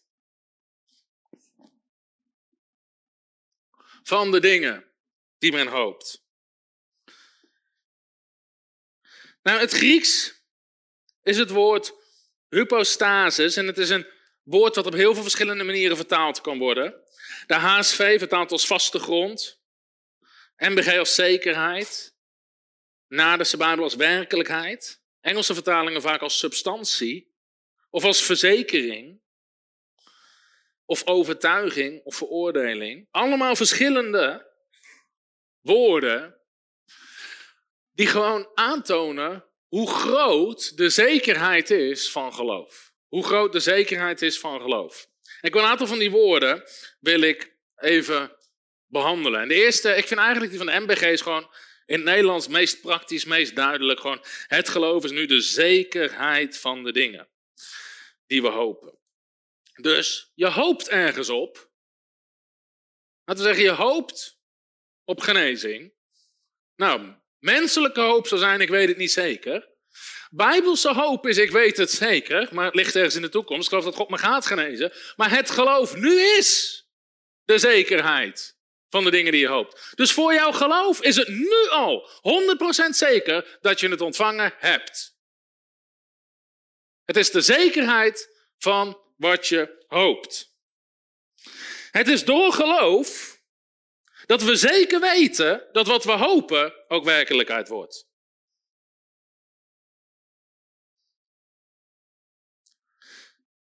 De MBV 21, nieuwe Bijbelvertaling, zegt: Geloof is de zekerheid dat alles waarop we hopen werkelijkheid wordt.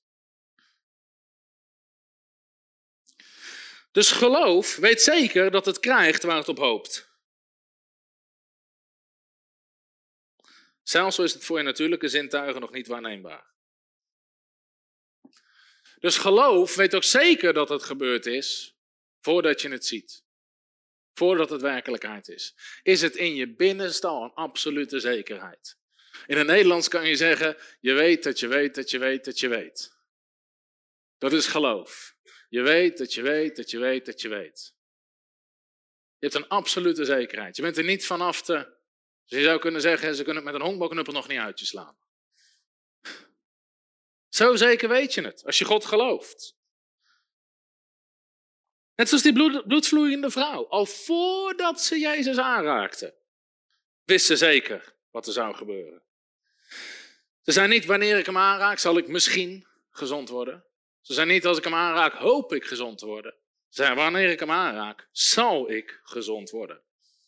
Dus dat is geloof. Jezus wist ook altijd zeker wat er ging gebeuren.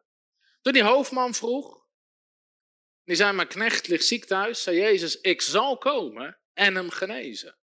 Jezus zei niet, ik zal komen en we kijken wat er gebeurt. We kunnen bidden en dan moeten we maar zien. Jezus zegt, ik zal komen en hem genezen. Weet je, daarom gaan heel veel dingen gaan uit hoop in de kerk. Dan zeggen ze, laten zieken naar voren komen. Dan gaan we kijken wat God gaat doen. Nee. Als je geloof hebt, zeg je, breng de zieken naar voren en ze gaan genezen. Dat is wat geloof is.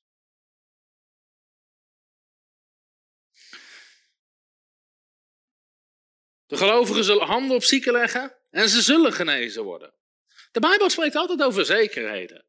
Jacobus 5 is iemand ziek, laat hem de oudste van de gemeente roepen, zalven met olie, het gebed van geloof bidden en de Heer zal hem oprichten. Zie het is een zekerheid. Handelingen 9 vind ik zo'n mooi verhaal, waar Petrus komt bij Eneas. Die lag al acht jaar op bed, verlamd.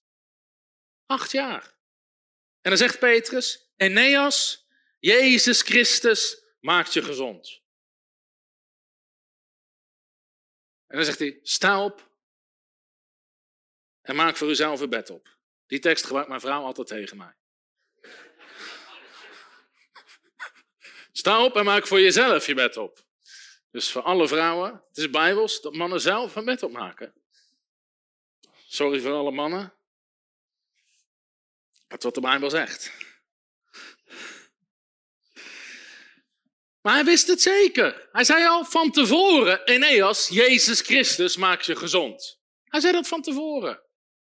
Hij begon niet, lieve Vader God, we brengen Eneas voor uw troon, Heer, u weet hoe lang die al ziek is, Heer, en we bidden, Heer, dat in uw ontferming. Nee, geloof. Eneas, Jezus Christus maakt je gezond. Hij wist zeker wat er zou gaan gebeuren. Toen Jezus sprak tegen de storm, hoopte hij niet dat het zou werken. Hij wist zeker dat het zou werken. Toen Jezus op het water stapte, hoopte hij niet dat hij niet zou zinken. Hij wist zeker dat hij niet zou zinken. Dat is geloof. Nou, we hebben het over een zekerheid in je hart. Geloof zit in je hart. Het is niet iets in je verstand, het is iets in je hart. Sommige dingen kunnen in je hoofd zo onlogisch lijken, maar in je hart ben je er absoluut van verzekerd. Daarom mensen zeggen, broer, je kan nooit zeker weten wat God doet. Jawel, dat is geloof.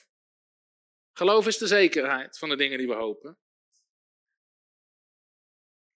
mooi voorbeeld van die geloofszekerheid vond ik George Muller. Wie heeft er nog nooit gehoord van George Muller? Nog nooit.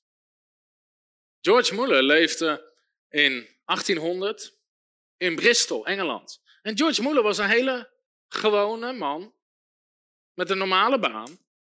En hij kreeg het op zijn hart om voor weeskinderen te gaan zorgen. Hij las de opdracht in het woord van God om voor weeskinderen te zorgen en hij besloot zich in te zetten voor weeskinderen.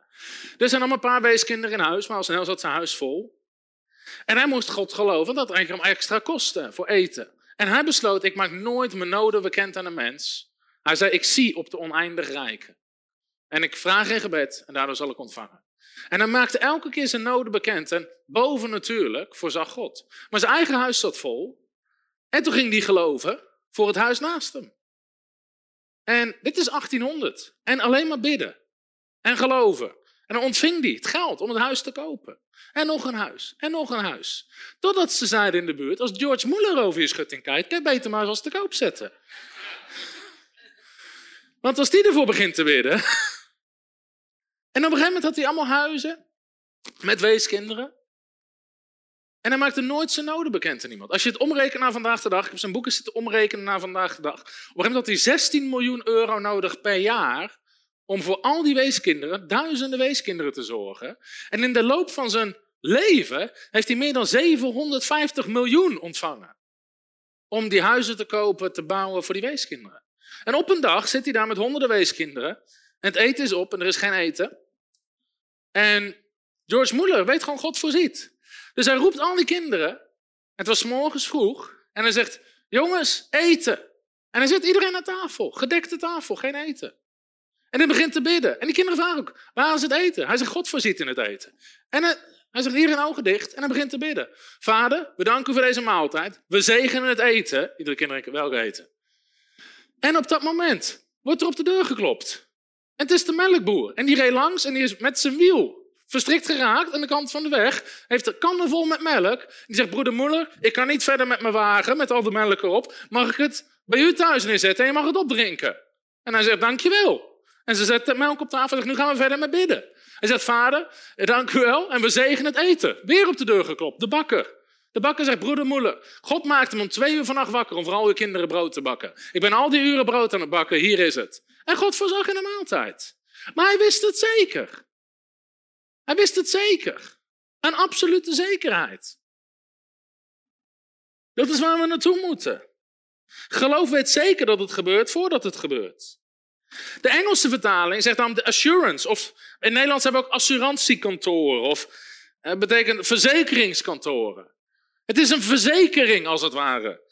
Kijk, als het goed is, is je auto verzekerd. is in Nederland verplicht. Autoverzekering, zorgverzekering, dat soort dingen zijn verplicht. Nou, een autoverzekering, er is niemand. Weet je, in Nederland, je hebt, kunnen hele dure auto's rondrijden. Je hebt auto's die kosten een paar honderdduizend euro een Ferrari. Maar mensen gaan met een gerust hart er weg op. Die rijden in een auto. Want je weet, ook al heb je een auto van een paar duizend euro, rij je tegen een Ferrari aan van een paar honderdduizend euro. Je bent verzekerd. Er is niemand die zich heel de tijd zorgen zit te maken. Oh nee, oh nee, laat niet tegen een Ferrari. Waarom niet? Omdat ze verzekerd zijn. Je weet zeker dat er schade gedekt wordt in het geval dat er iets aan de hand is. Dat is een zekerheid omdat je verzekerd bent. Nou, geloof is de verzekering van de dingen die we hopen. Jij bent verzekerd dat je krijgt waar je op hoopt. Dat is wat geloof is. Geloof is verzekerde hoop. Misschien hoop je op vergeving, vervulling met de Heilige Geest, voorziening of genezing. Maar jouw geloof verzekert je dat je je vergeving, vervulling met de Geest, voorziening of genezing ontvangen hebt.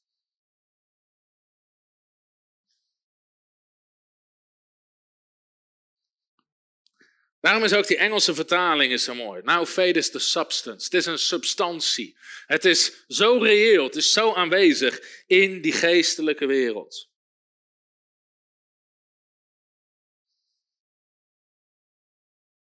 Geloof is de substantie van de dingen die we hopen. Het woord substantie of werkelijkheid betekent ook wel ten grondslag, het diepste wezen. Dus als je kijkt bijvoorbeeld naar, ik weet niet hoeveel er hier over de brug van Gorkum hier naartoe zijn gereden.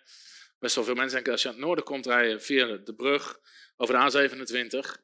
Nou, dat lijkt een hele sterke brug, als je dat ziet.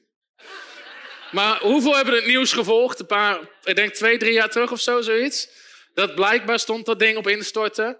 En een inspecteur die kwam erachter, er zaten scheurtjes in de brug. En ze de hele tijd bezig geweest om het te repareren. En nou doet hij het weer. Je kan naar huis straks.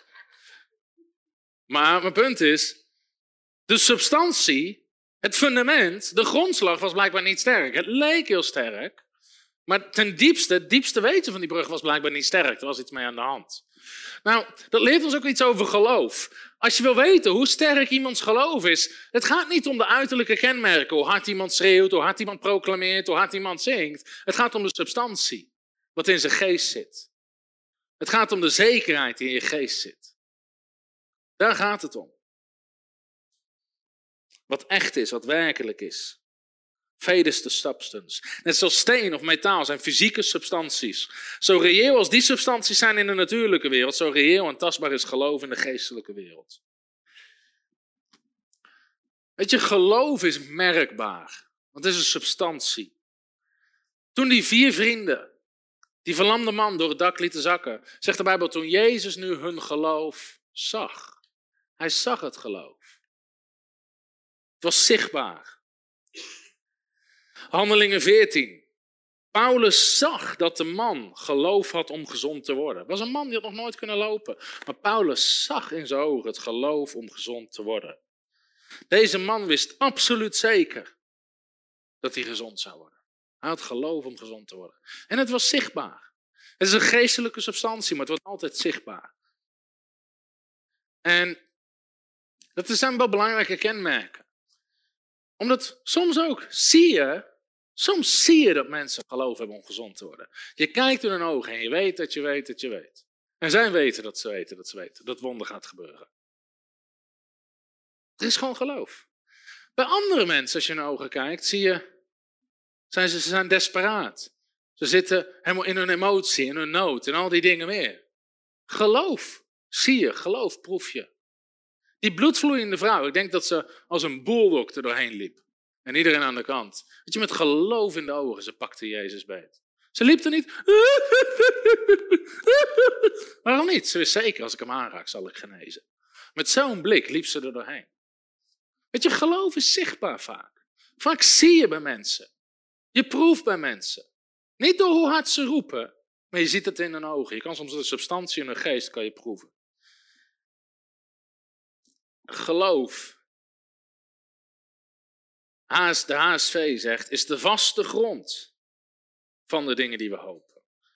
Nou, hoeveel hier, toen je uit huis ging, vanavond, heb je niet eerst zo, of kijkt dat de stoep me kan dragen, ja, weer een stap naar de auto. Nee, als het goed is, woon je aan vaste grond. Tenzij je op een woonboot woont. Maar anders woon je op vaste... Weet je, je stapt gewoon de deur uit. Waarom? Er zit vaste grond onder. Dus je weet het zeker dat het je kan dragen. Het geloof nu is de vaste grond van de dingen die we hopen. Ook een vertaling die gewoon aantoont hoe zeker geloof is. Hoe zeker geloof is. Dus dat is de eerste deel. Het geloof nu is de zekerheid het geloof is de zekerheid. Maar er zat nog iets in. Van de dingen. Van de dingen. Iedereen zegt van de dingen. Het geloof is de zekerheid van de dingen die we hopen. Nou, dat Griekse woord voor dingen is het woord pragmaton. Pragmaton. Je zou kunnen zeggen dat wij bijvoorbeeld woorden zoals een beetje pragmatisch, praktisch, dat soort woorden hebben daar een beetje een afgeleide van. Maar het kan vertaald worden met een ding, een handeling of een gebeurtenis. Het mooie vind ik, je geloof is ontzettend praktisch. Je kan het gebruiken voor allerlei dingen, handelingen en gebeurtenissen. Je kan het gebruiken voor allerlei dingen. Veel christenen denken bij geloof uitsluitend aan geloof om gered te worden. Dat is het belangrijkste, maar het is het startpunt. Daarna verwacht de Bijbel dat de rechtvaardige gaat wandelen door geloof. Jouw hele christenwandel is een geloofswandel. Jezus leert ons dat we in Lucas hoofdstuk 17 onder andere, dat is een interessante tekst, want dan zegt Jezus, hè, dan zegt hij je moet 7 maal 70 keer of 70 keer 70 keer moet je mensen vergeven die je onrecht aandoen. En dan zeggen de discipelen, Heer, vermeerder ons geloof. Dat zieken genezen en demonen uitdrijven en doden opwekken, dat, uh, dat gaat prima. Maar toen ze hoorden hoe vaak ze mensen moesten vergeven, zeiden ze, Heer, geef ons alsjeblieft meer geloof. Maar dat toont aan dat voor alles in je wandel met God heb je geloof nodig. Mensen vergeven die jou pijn aangedaan hebben, die jou benadeeld hebben, die jou misbruikt hebben, die jou weet ik veel wat ze aan hebben gedaan. Hun vergeven is een pure geloofshandeling. Je doet het niet omdat je je zo voelt. Je doet het niet omdat je denkt, dit is een heel goed plan. Je doet het niet omdat je het ze gunt. Je doet het vanuit geloof. Je doet het vanuit geloof. Het is een geloofshandeling. Dus zelfs voor dat soort dingen, heb je het woord dingen, zelfs voor dat soort dingen heb je geloof nodig. Je hebt voor heel je wandel met God heb je geloof nodig. Zaaien en oogsten. Op het moment dat je een offer geeft, op het moment dat je geeft, op het moment dat je partner wordt, is een geloofshandeling. Je gelooft dat wat je zaait, dat je ook gaat oogsten. Soms hebben boeren meer geloof in het natuurlijke dan christenen hebben in het woord van God. Mijn schoonvader is een akkerbouwer. En ieder jaar dat ze zaaien, hij is blij als hij kan zaaien. Waarom? Hij weet er komt een oogst. Amen. Hij weet het zeker. Nou, ook met financiën spreekt de Bijbel over zaaien en oogsten. En christenen zouden blij moeten zijn als ze kunnen zaaien. Want ze weten er komt een oogst. Amen. Dus allerlei dingen in het koninkrijk van God vragen geloof. Vragen geloof. Nou, een, paar jaar terug sprak ik op onze Greater Faith Conference en in die preek gaf ik gewoon heel veel getuigenissen van hoe we door we geloven, hoe we zijn begonnen met in geloof wandelen. Door God te geloven voor twee broeken en wat t-shirts. En hoe we daarna God ging geloven voor een fiets en daarna voor een brommer. Toen had ik een Thomas, dan noemde iedereen me apostel Thomas. en hoe we van een Thomas gingen naar een auto. En van een auto naar ons huwelijk en een appartement. En uiteindelijk een pand voor frontrunners. Mensen in dienst nemen. Honderdduizenden boeken weggeven. Bouwprojecten van miljoenen. Ik vertel gewoon de geloofsreis die we hadden gemaakt. En weet je, iemand reageerde. En soms grappig om mensen reageren. Is dit Bijbels geloof? Het gaat alleen maar om dingen. Ja, dit is Bijbels geloof. Want de Bijbel zegt, het geloof nu is de zekerheid van de dingen. Amen. Je kan je geloof gebruiken voor allerlei dingen. We hebben de tekst op de muur staan. All things are possible. Alle dingen zijn mogelijk voor degene die gelooft. Amen. Begin je geloof in te zetten voor dingen. Zeg eens tegen je buurman of je buurvrouw. Begin je geloof in te zetten voor dingen.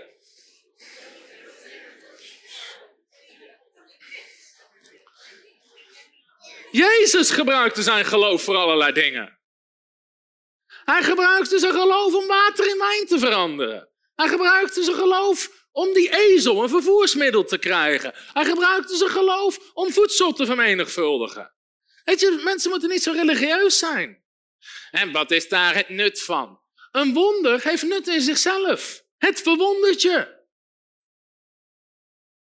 Die mensen hebben nog nooit een Bijbel gelezen. Heb je wel eens gelezen dat Jezus tegen Petrus zegt: Kom, Petrus stapt uit de boot. Ze lopen een rondje, Petrus zinkt, trekt hem weer omhoog. En ze gaan terug naar dezelfde boot. Dat had geen nut. Snap je? Als je denkt alleen maar in nut.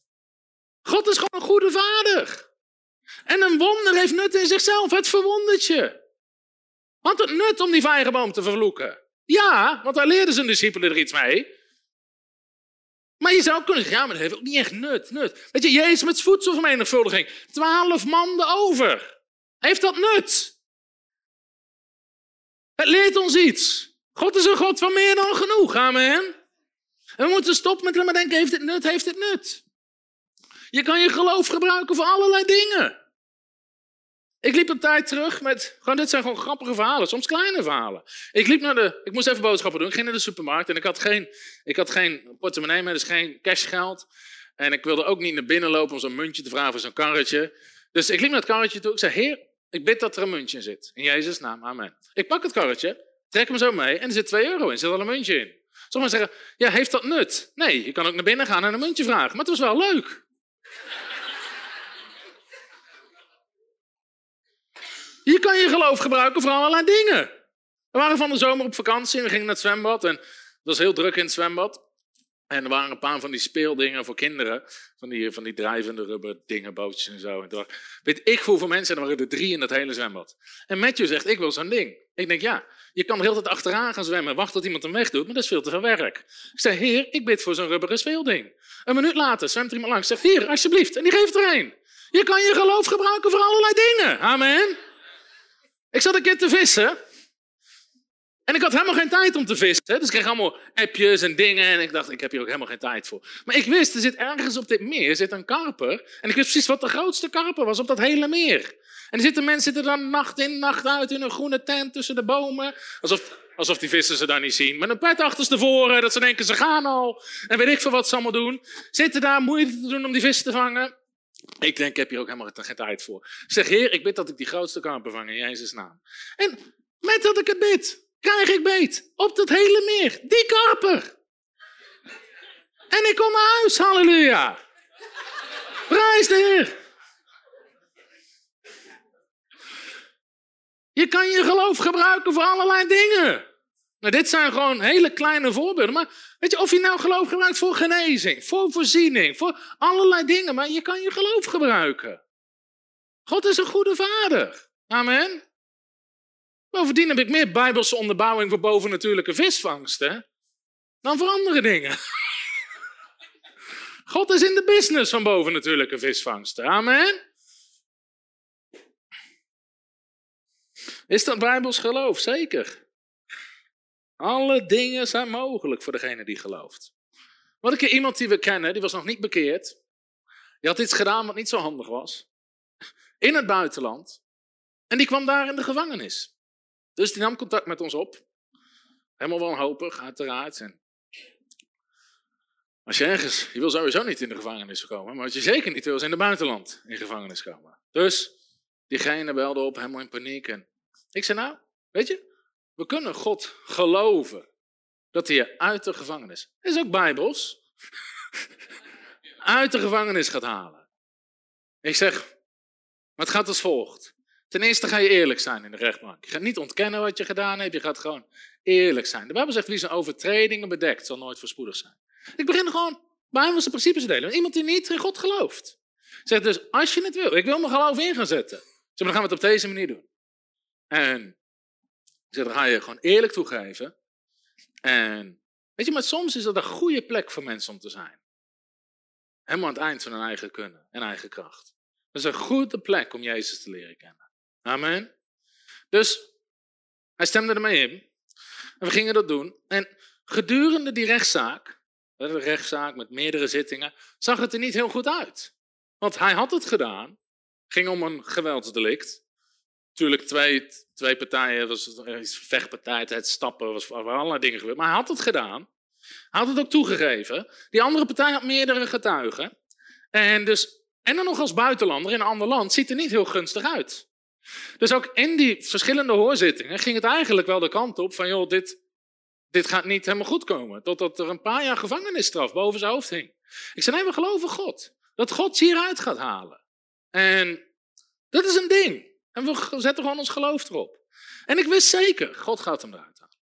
God gaat hem uit deze situatie redden. En op de laatste hoorzitting, waar uiteindelijk de rechter een besluit zou maken, loopt de rechter, loopt naar die rechtszaak toe. En die kijkt toevallig naar links een restaurantje in. En hij ziet daar de andere verdachte slechts aanklagen zitten, met onze getuigen te eten voor de rechtszaak. Maar dat mag niet, want dan kan je getuigenis afstemmen. Dus hij ziet dat, en dat is officieel verboden. Dus hij loopt verder naar die rechtszaak. En hij zegt, de verdachte is vrijgesproken. Ik liep zojuist hier langs, ik heb gezien dat ze getuigenis af hebben gestemd, deze verdachte is vrijgesproken. En hij werd vrijgesproken. En hij is tot Christus gekomen, en hij is vervuld met de Heilige Geest, hij spreekt in tongentaal, en hij dient de Heer. Halleluja.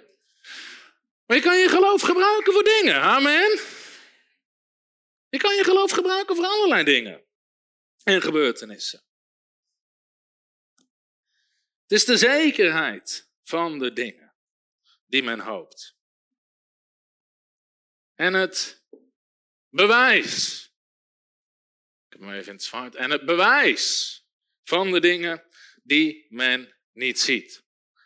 Nou, wat is dit woord bewijs? Dit is interessant. In het Grieks staat er het woord elegos. Ik ga zo meteen uitleggen wat dat betekent. Het bewijs van de dingen die we nog niet zien. Bijna iedere vertaling vertaalt het als bewijs.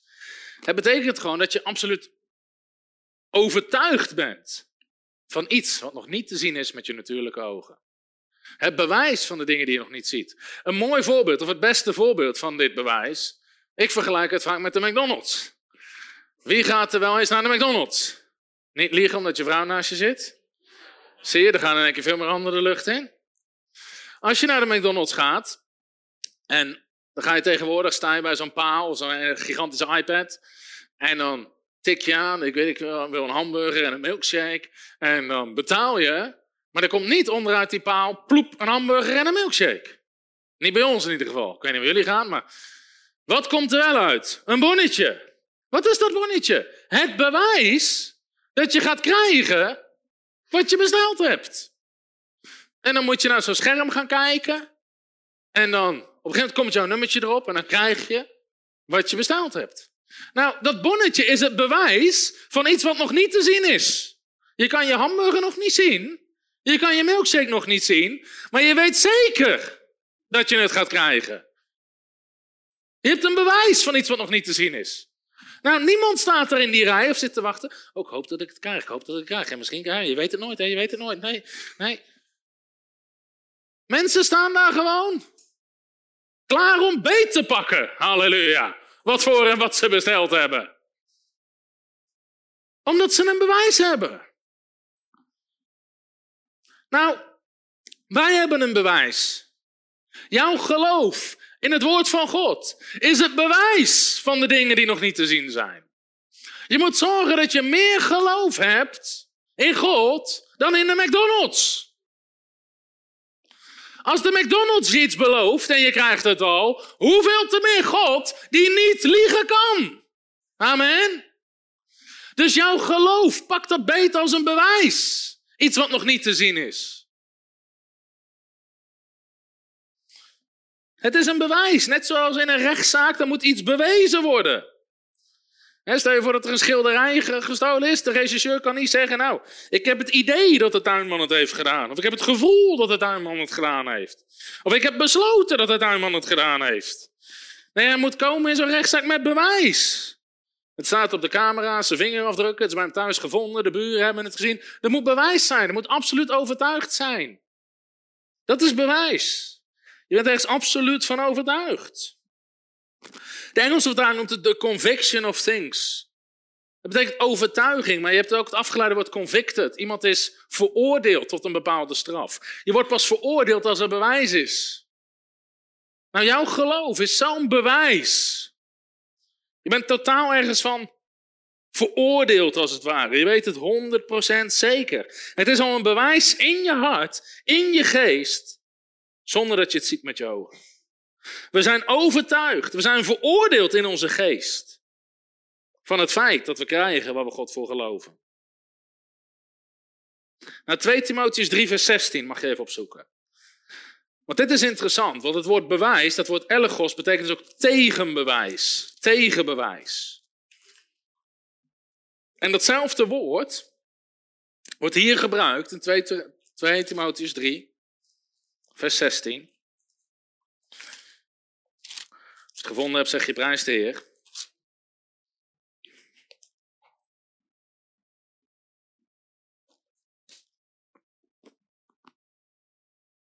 Daar staat, heel de schrift, heel het woord van God, is door God ingegeven en is nuttig om daarmee te onderwijzen. En dan staat er het woord elegos, te weerleggen, dat is hetzelfde woord. En te verbeteren en op te voeden in de rechtvaardigheid. Dus hier staat dat woord bewijs of tegenbewijs. Het woord van God is gegeven als tegenbewijs van iets. Het bewijs van de dingen die men niet ziet. Jouw ogen, jouw natuurlijke zintuigen kunnen iets zien, voelen of ervaren. Die kunnen zien dat, weet ik veel, zo'n rechtszaak verkeerd dreigt te lopen. Die kunnen voelen dat er ziekte zit in je lichaam. Die kunnen weten dat er tekort is op je bankrekening. Dat is natuurlijk. Maar jij hebt een tegenbewijs. Je hebt iets wat het weerlegt. En dat is het woord van God. Het is het tegenbewijs. Het, de schrift is door God ingegeven en is nuttig als tegenbewijs. Om te weerleggen. Jij moet vanuit het woord van God kunnen weerleggen wat je natuurlijke zintuigen je zeggen.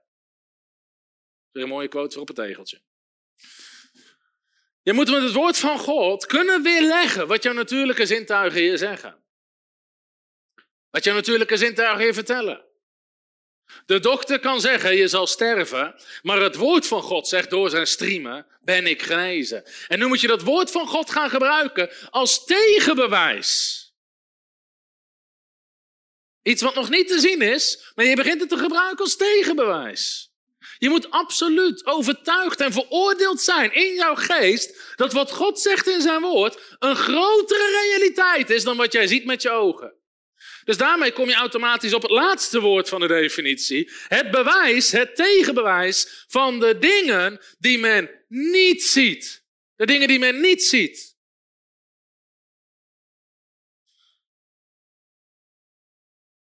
Van de dingen die niet zichtbaar zijn.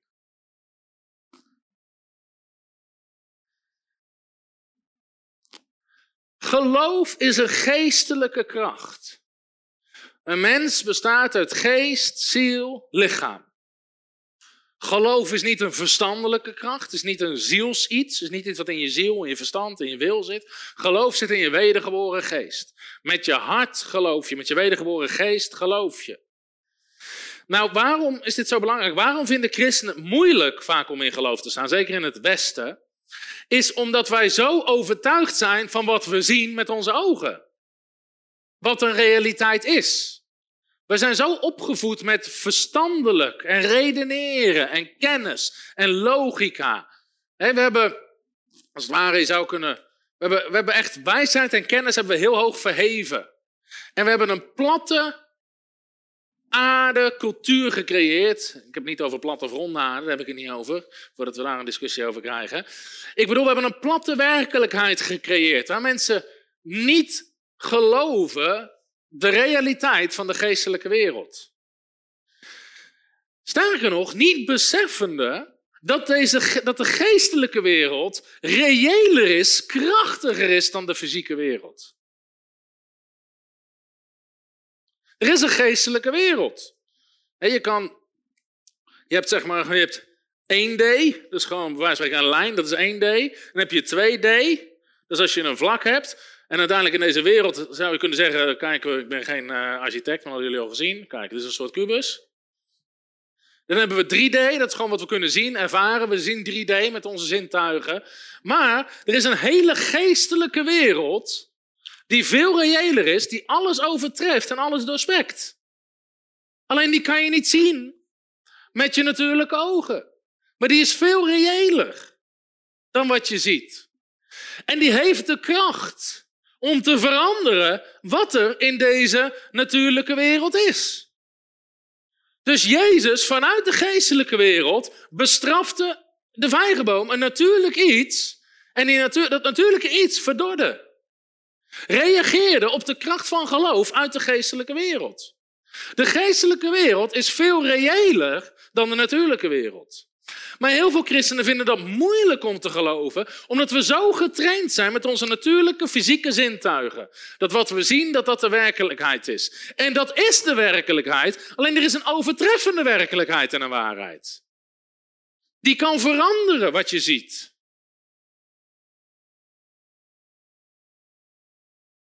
Het is het bewijs van de dingen die we niet zien.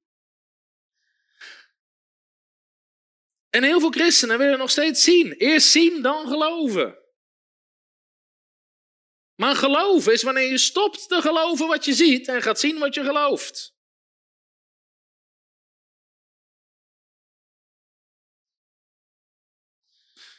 Hebreeën 11, vers 3 mag je even opzoeken. Hebreeën 11, vers 3. Deze definitie komt uit Hebreeën 11, vers 1. Definitie van geloof.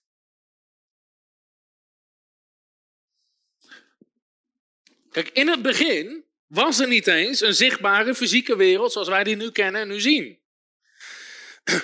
In het begin schiep God een geestelijk wezen, deze zichtbare fysieke wereld vanuit de geestelijke realiteit. God schiep de wereld en sprak alles vanuit de geestelijke realiteit tot de fysieke realiteit. Hebreeën 11, vers 3 zegt daarom ook: Door het geloof zien wij zien wij. Dus geloof ziet, maar het ziet niet met natuurlijke ogen, het ziet met geestelijke ogen. Door het geloof zien wij in dat de wereld tot stand is gebracht door het woord van God. En wel zo dat de dingen die men ziet, dus wat wij nu zien, is niet ontstaan uit wat zichtbaar is. Het is ontstaan uit het onzichtbare.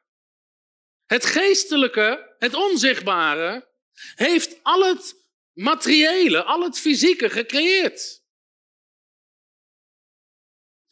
Dus de geestelijke wereld is veel krachtiger, veel reëler dan deze natuurlijke wereld.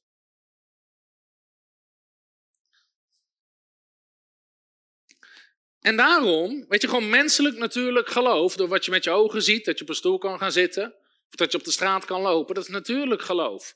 Dat is gebaseerd op je natuurlijke zintuigen. Maar Gods soort geloof is niet gebaseerd op je natuurlijke zintuigen. Het is gebaseerd uit je geest, op het woord van God. En het functioneert daaruit. En je moet leren om te zien met de ogen van je geest. Door het geloof zien wij, zegt de Bijbel. Dus geloof heeft ogen. Dat als jij naar een ziek iemand kijkt, dat in jouw geest zie je hem al gezond als je gaat bedienen. Je ziet het al. Je hebt al bewijs van wat nog niet te zien is met de natuurlijke zintuigen.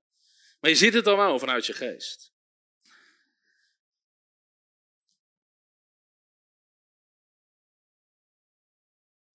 Nou, de Bijbel zegt, Gods woord is de waarheid. Gods woord is de waarheid.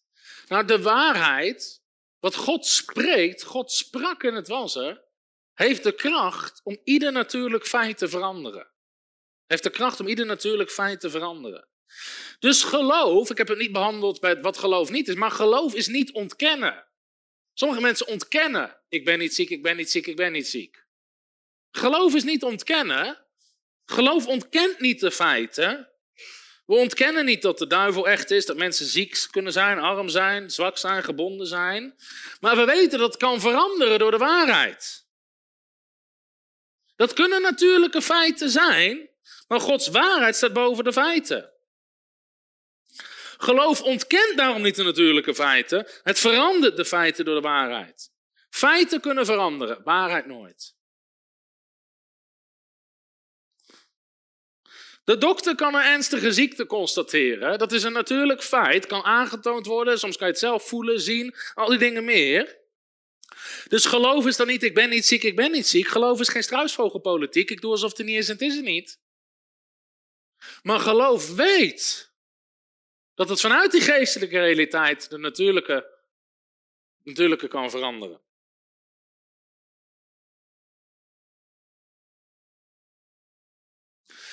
Dus daarom, als het gaat om geloof, zegt de Bijbel heel vaak, we houden onze ogen niet gericht op de dingen die zichtbaar zijn. Abraham lette niet op zijn eigen lichaam.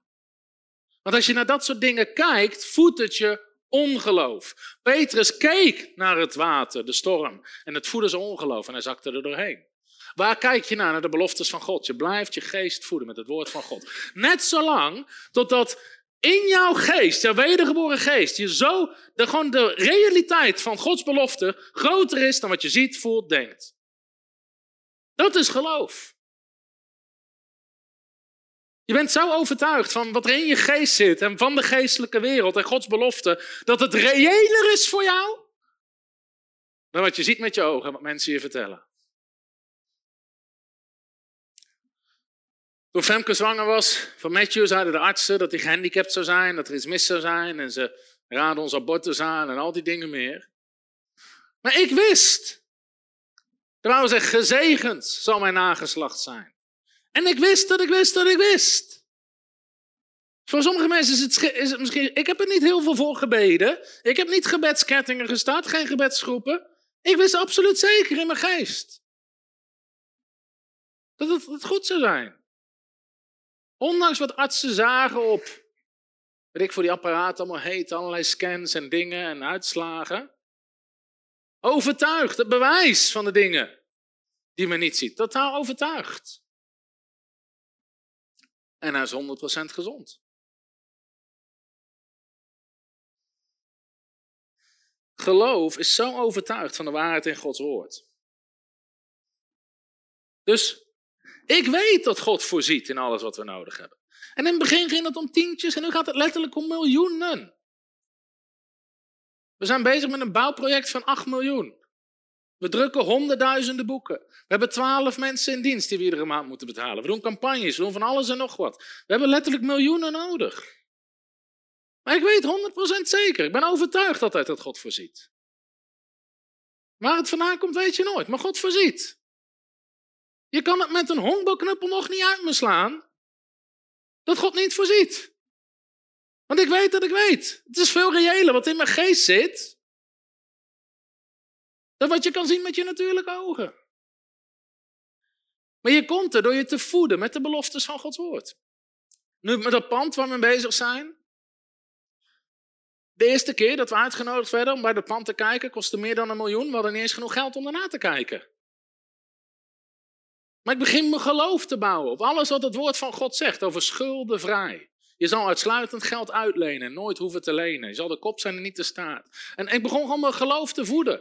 De Bijbel zegt, wees niemand iets verschuldigd, behalve lief te hebben. Ik zeg, we gaan bij niemand in de schuld staan.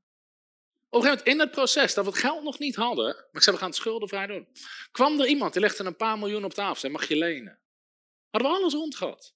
Ik zei, nee, we lenen niet. We hadden alles rond kunnen hebben. Nee, we lenen niet. Waarom? Ik wist 100% zeker. God gaat voorzien, gaat schuldenvrij gebeuren. En nu, we hebben het schuldenvrij gekocht. Halleluja. Maar voordat het te zien was, was ik overtuigd in mijn geest. Iedereen zei, je bent gek, dat kan niet, heeft nog nooit iemand gedaan. Hoe ga je... Mensen beginnen allemaal natuurlijke feiten. Hij is gek, natuurlijk feit. en dan beginnen al die natuurlijke feiten. Maar er is waarheid. God voorziet in alles wat we nodig hebben. Er staat er overeenkomstig zijn rijkdom. Niet overeenkomstig mijn rijkdom, overeenkomstig zijn rijkdom. We hebben de portemonnee van de Vader. Zijn rijkdom. Hoeveel weten dat God rijk is? Amen. Mensen, een paar miljoen. Jij vindt het veel, maar voor God. Als ze de straat een keer vegen in de hemel. Dat is van goud. Gewoon het stof wat er vanaf komt, is genoeg. Hier lopen mensen tegenaan. Hun verstand, hun redenatie, hun dit, hun dat. Uh, ja, maar als jullie een paar miljoen in een gebouw stoppen, uh, weet je, moet eigenlijk naar armoede. Je hoeft niet te kiezen. Kan allebei. Niet zo dat God zegt, oh, als ik daar 8 miljoen, ja, nou jammer dan voor al die armen. Nee. Dat is weer natuurlijk denken, Nederlands denken. Je bent overtuigd van iets wat nog niet te zien is. Bent overtuigd van iets wat nog niet te zien is. Smith Wigglesworth. Hij zei, ik word niet bewogen door wat ik zie. Niet door wat ik hoor. Niet door wat ik voel. Ik word bewogen door wat ik geloof. Het een verhaal dat hij moest bidden voor een jongetje wat praktisch gewoon aan het sterven was. Zijn laatste adem uitblies. En Smith Wigglesworth komt daar en zegt, doe hem zijn kleren aan. Doe zijn schoenen aan. En die begint gewoon dat kind al aan te kleden. Zegt, nu leg ik mijn handen op je en dan komt de kracht van God op je. En hij legt de handen, boem, die jongen komt te leven. Gewoon totaal overtuigd van iets wat nog niet te zien is. Een ander verhaal was iedereen, moest bidden voor ook iemand die op sterven lag. Had drie andere christenen waren er ook. Hij zegt, jij bidt. En die begon, oh heer, oh heer. Hij zegt, hou je mond, jij bidt. En hij begon ook, hij zegt, heer, stop ze! En hij pakte zijn fles olie, begon het uit te gieten. Zegt, in de naam van Jezus, boem, die persoon geneest. Totaal overtuigd van iets wat nog niet te zien is. Als je mensen uit hun kist optilt, tegen de muur zet. Deed hij bij een begrafenis? Trok een lijk uit een kist, zette het tegen de muur. Hij zegt in de naam van Jezus, leef. Boem, stort zo neer. Familie, iedereen zit te kijken. Hij pakt het lijk weer op, zet het weer tegen de muur. Hij zegt in de naam van Jezus, leef. Zakt zo in elkaar. Smit Wiggles wordt dat boos. Hij zegt, ik zei in Jezus naam, leef! Boem. En die persoon komt tot leven. Nou, nu vinden mensen dat soort verhalen. Maar vroeger liep iedereen met een boom om, boog om die vent heen. Totaal overtuigd van dingen die niemand anders zag. Totaal overtuigd van dingen die niemand anders zag. Hij bad voor een man die een kanker had en legde hem handen op en boem, die, die vent viel en iedereen dacht hij is dood. Die zat ook in de laatste bijna happen adem. Hij legt handen op, boem, die vent valt, stapt eroverheen. En die dokter roept, u heeft hem vermoord. Hij zegt, hou je mond, hij is genezen. En hij gaat gewoon door. En later stond die vent op en die was genezen.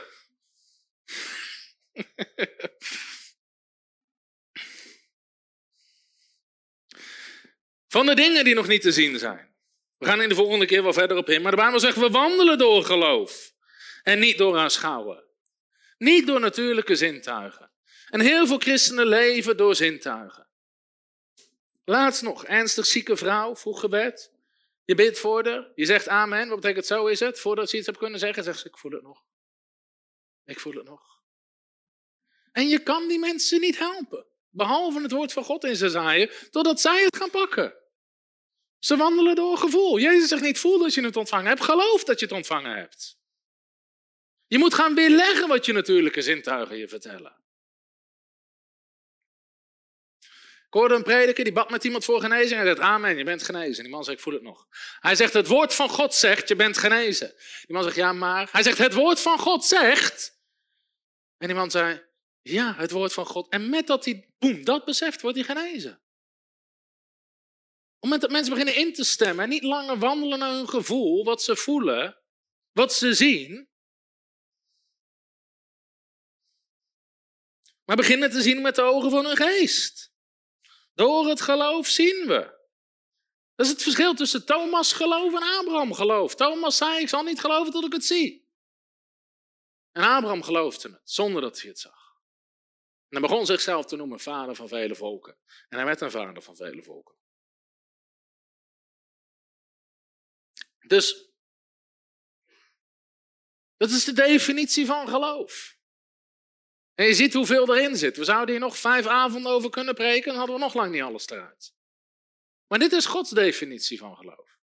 En er zijn kenmerken van geloof, waar ik de volgende keer verder op in wil gaan. Bijbelse kenmerken van geloof. Maar het geloof spreekt over Gods soort geloof. Het geloof om dingen te veranderen, om beloftes te ontvangen, om situaties te veranderen. Nu is, geloof is nu. Geloof is tegenwoordige tijd. Je gelooft op het moment dat je spreekt. Je gelooft op het moment dat je bidt. Je gelooft op het moment dat je handelt. Geloof is nu. Betekent niet meteen dat je het nu ziet, maar je gelooft dat je het nu ontvangt. Nu is de zekerheid. Je weet absoluut zeker dat de dingen die jij hoopt, dat je die krijgt. Dat je die hebt. Het is de zekerheid van de dingen die men hoopt. En een bewijs. Het is een weerlegging. Het is een absolute overtuiging van iets wat nog niet te zien is. Dat is wat geloof is. Het is nu al de zekerheid van de dingen die we hopen. En een bewijs van de dingen die we niet zien. Dat is Bijbels geloof. Dat is Gods soort geloof. En als je God gaat geloven op zijn manier, ga je Gods resultaten krijgen. Daarom is het zo belangrijk dat mensen leren wat Bijbels geloof is. Amen. Ben je gezegend door wat Bijbels geloof is? Halleluja. Ik heb echt het gevoel dat we hier nog tien weken over zouden kunnen preken. En hadden we nog lang niet alles eruit. Net was Kenneth Hagen, die sprak iedere dienst over Marcus 11, vers 23. Zeiden mensen, wanneer gaat u door naar het volgende? Zeiden als je dit begrepen hebt. Ga maar mee naar Marcus 11, vers 23. En je kan het honderd keer horen. En dan hoor je het nog een keer. En dan zit er weer iets in. En weer wordt je geloof gebouwd. Want het woord van God leeft, amen. Daarom zegt Paulus, dezelfde dingen aan u te schrijven is maar niet onaangenaam, want het geeft u zekerheid. We moeten het vaker horen en horen en horen. En iedere keer dat we het doen, komt er meer geloof binnen. Amen.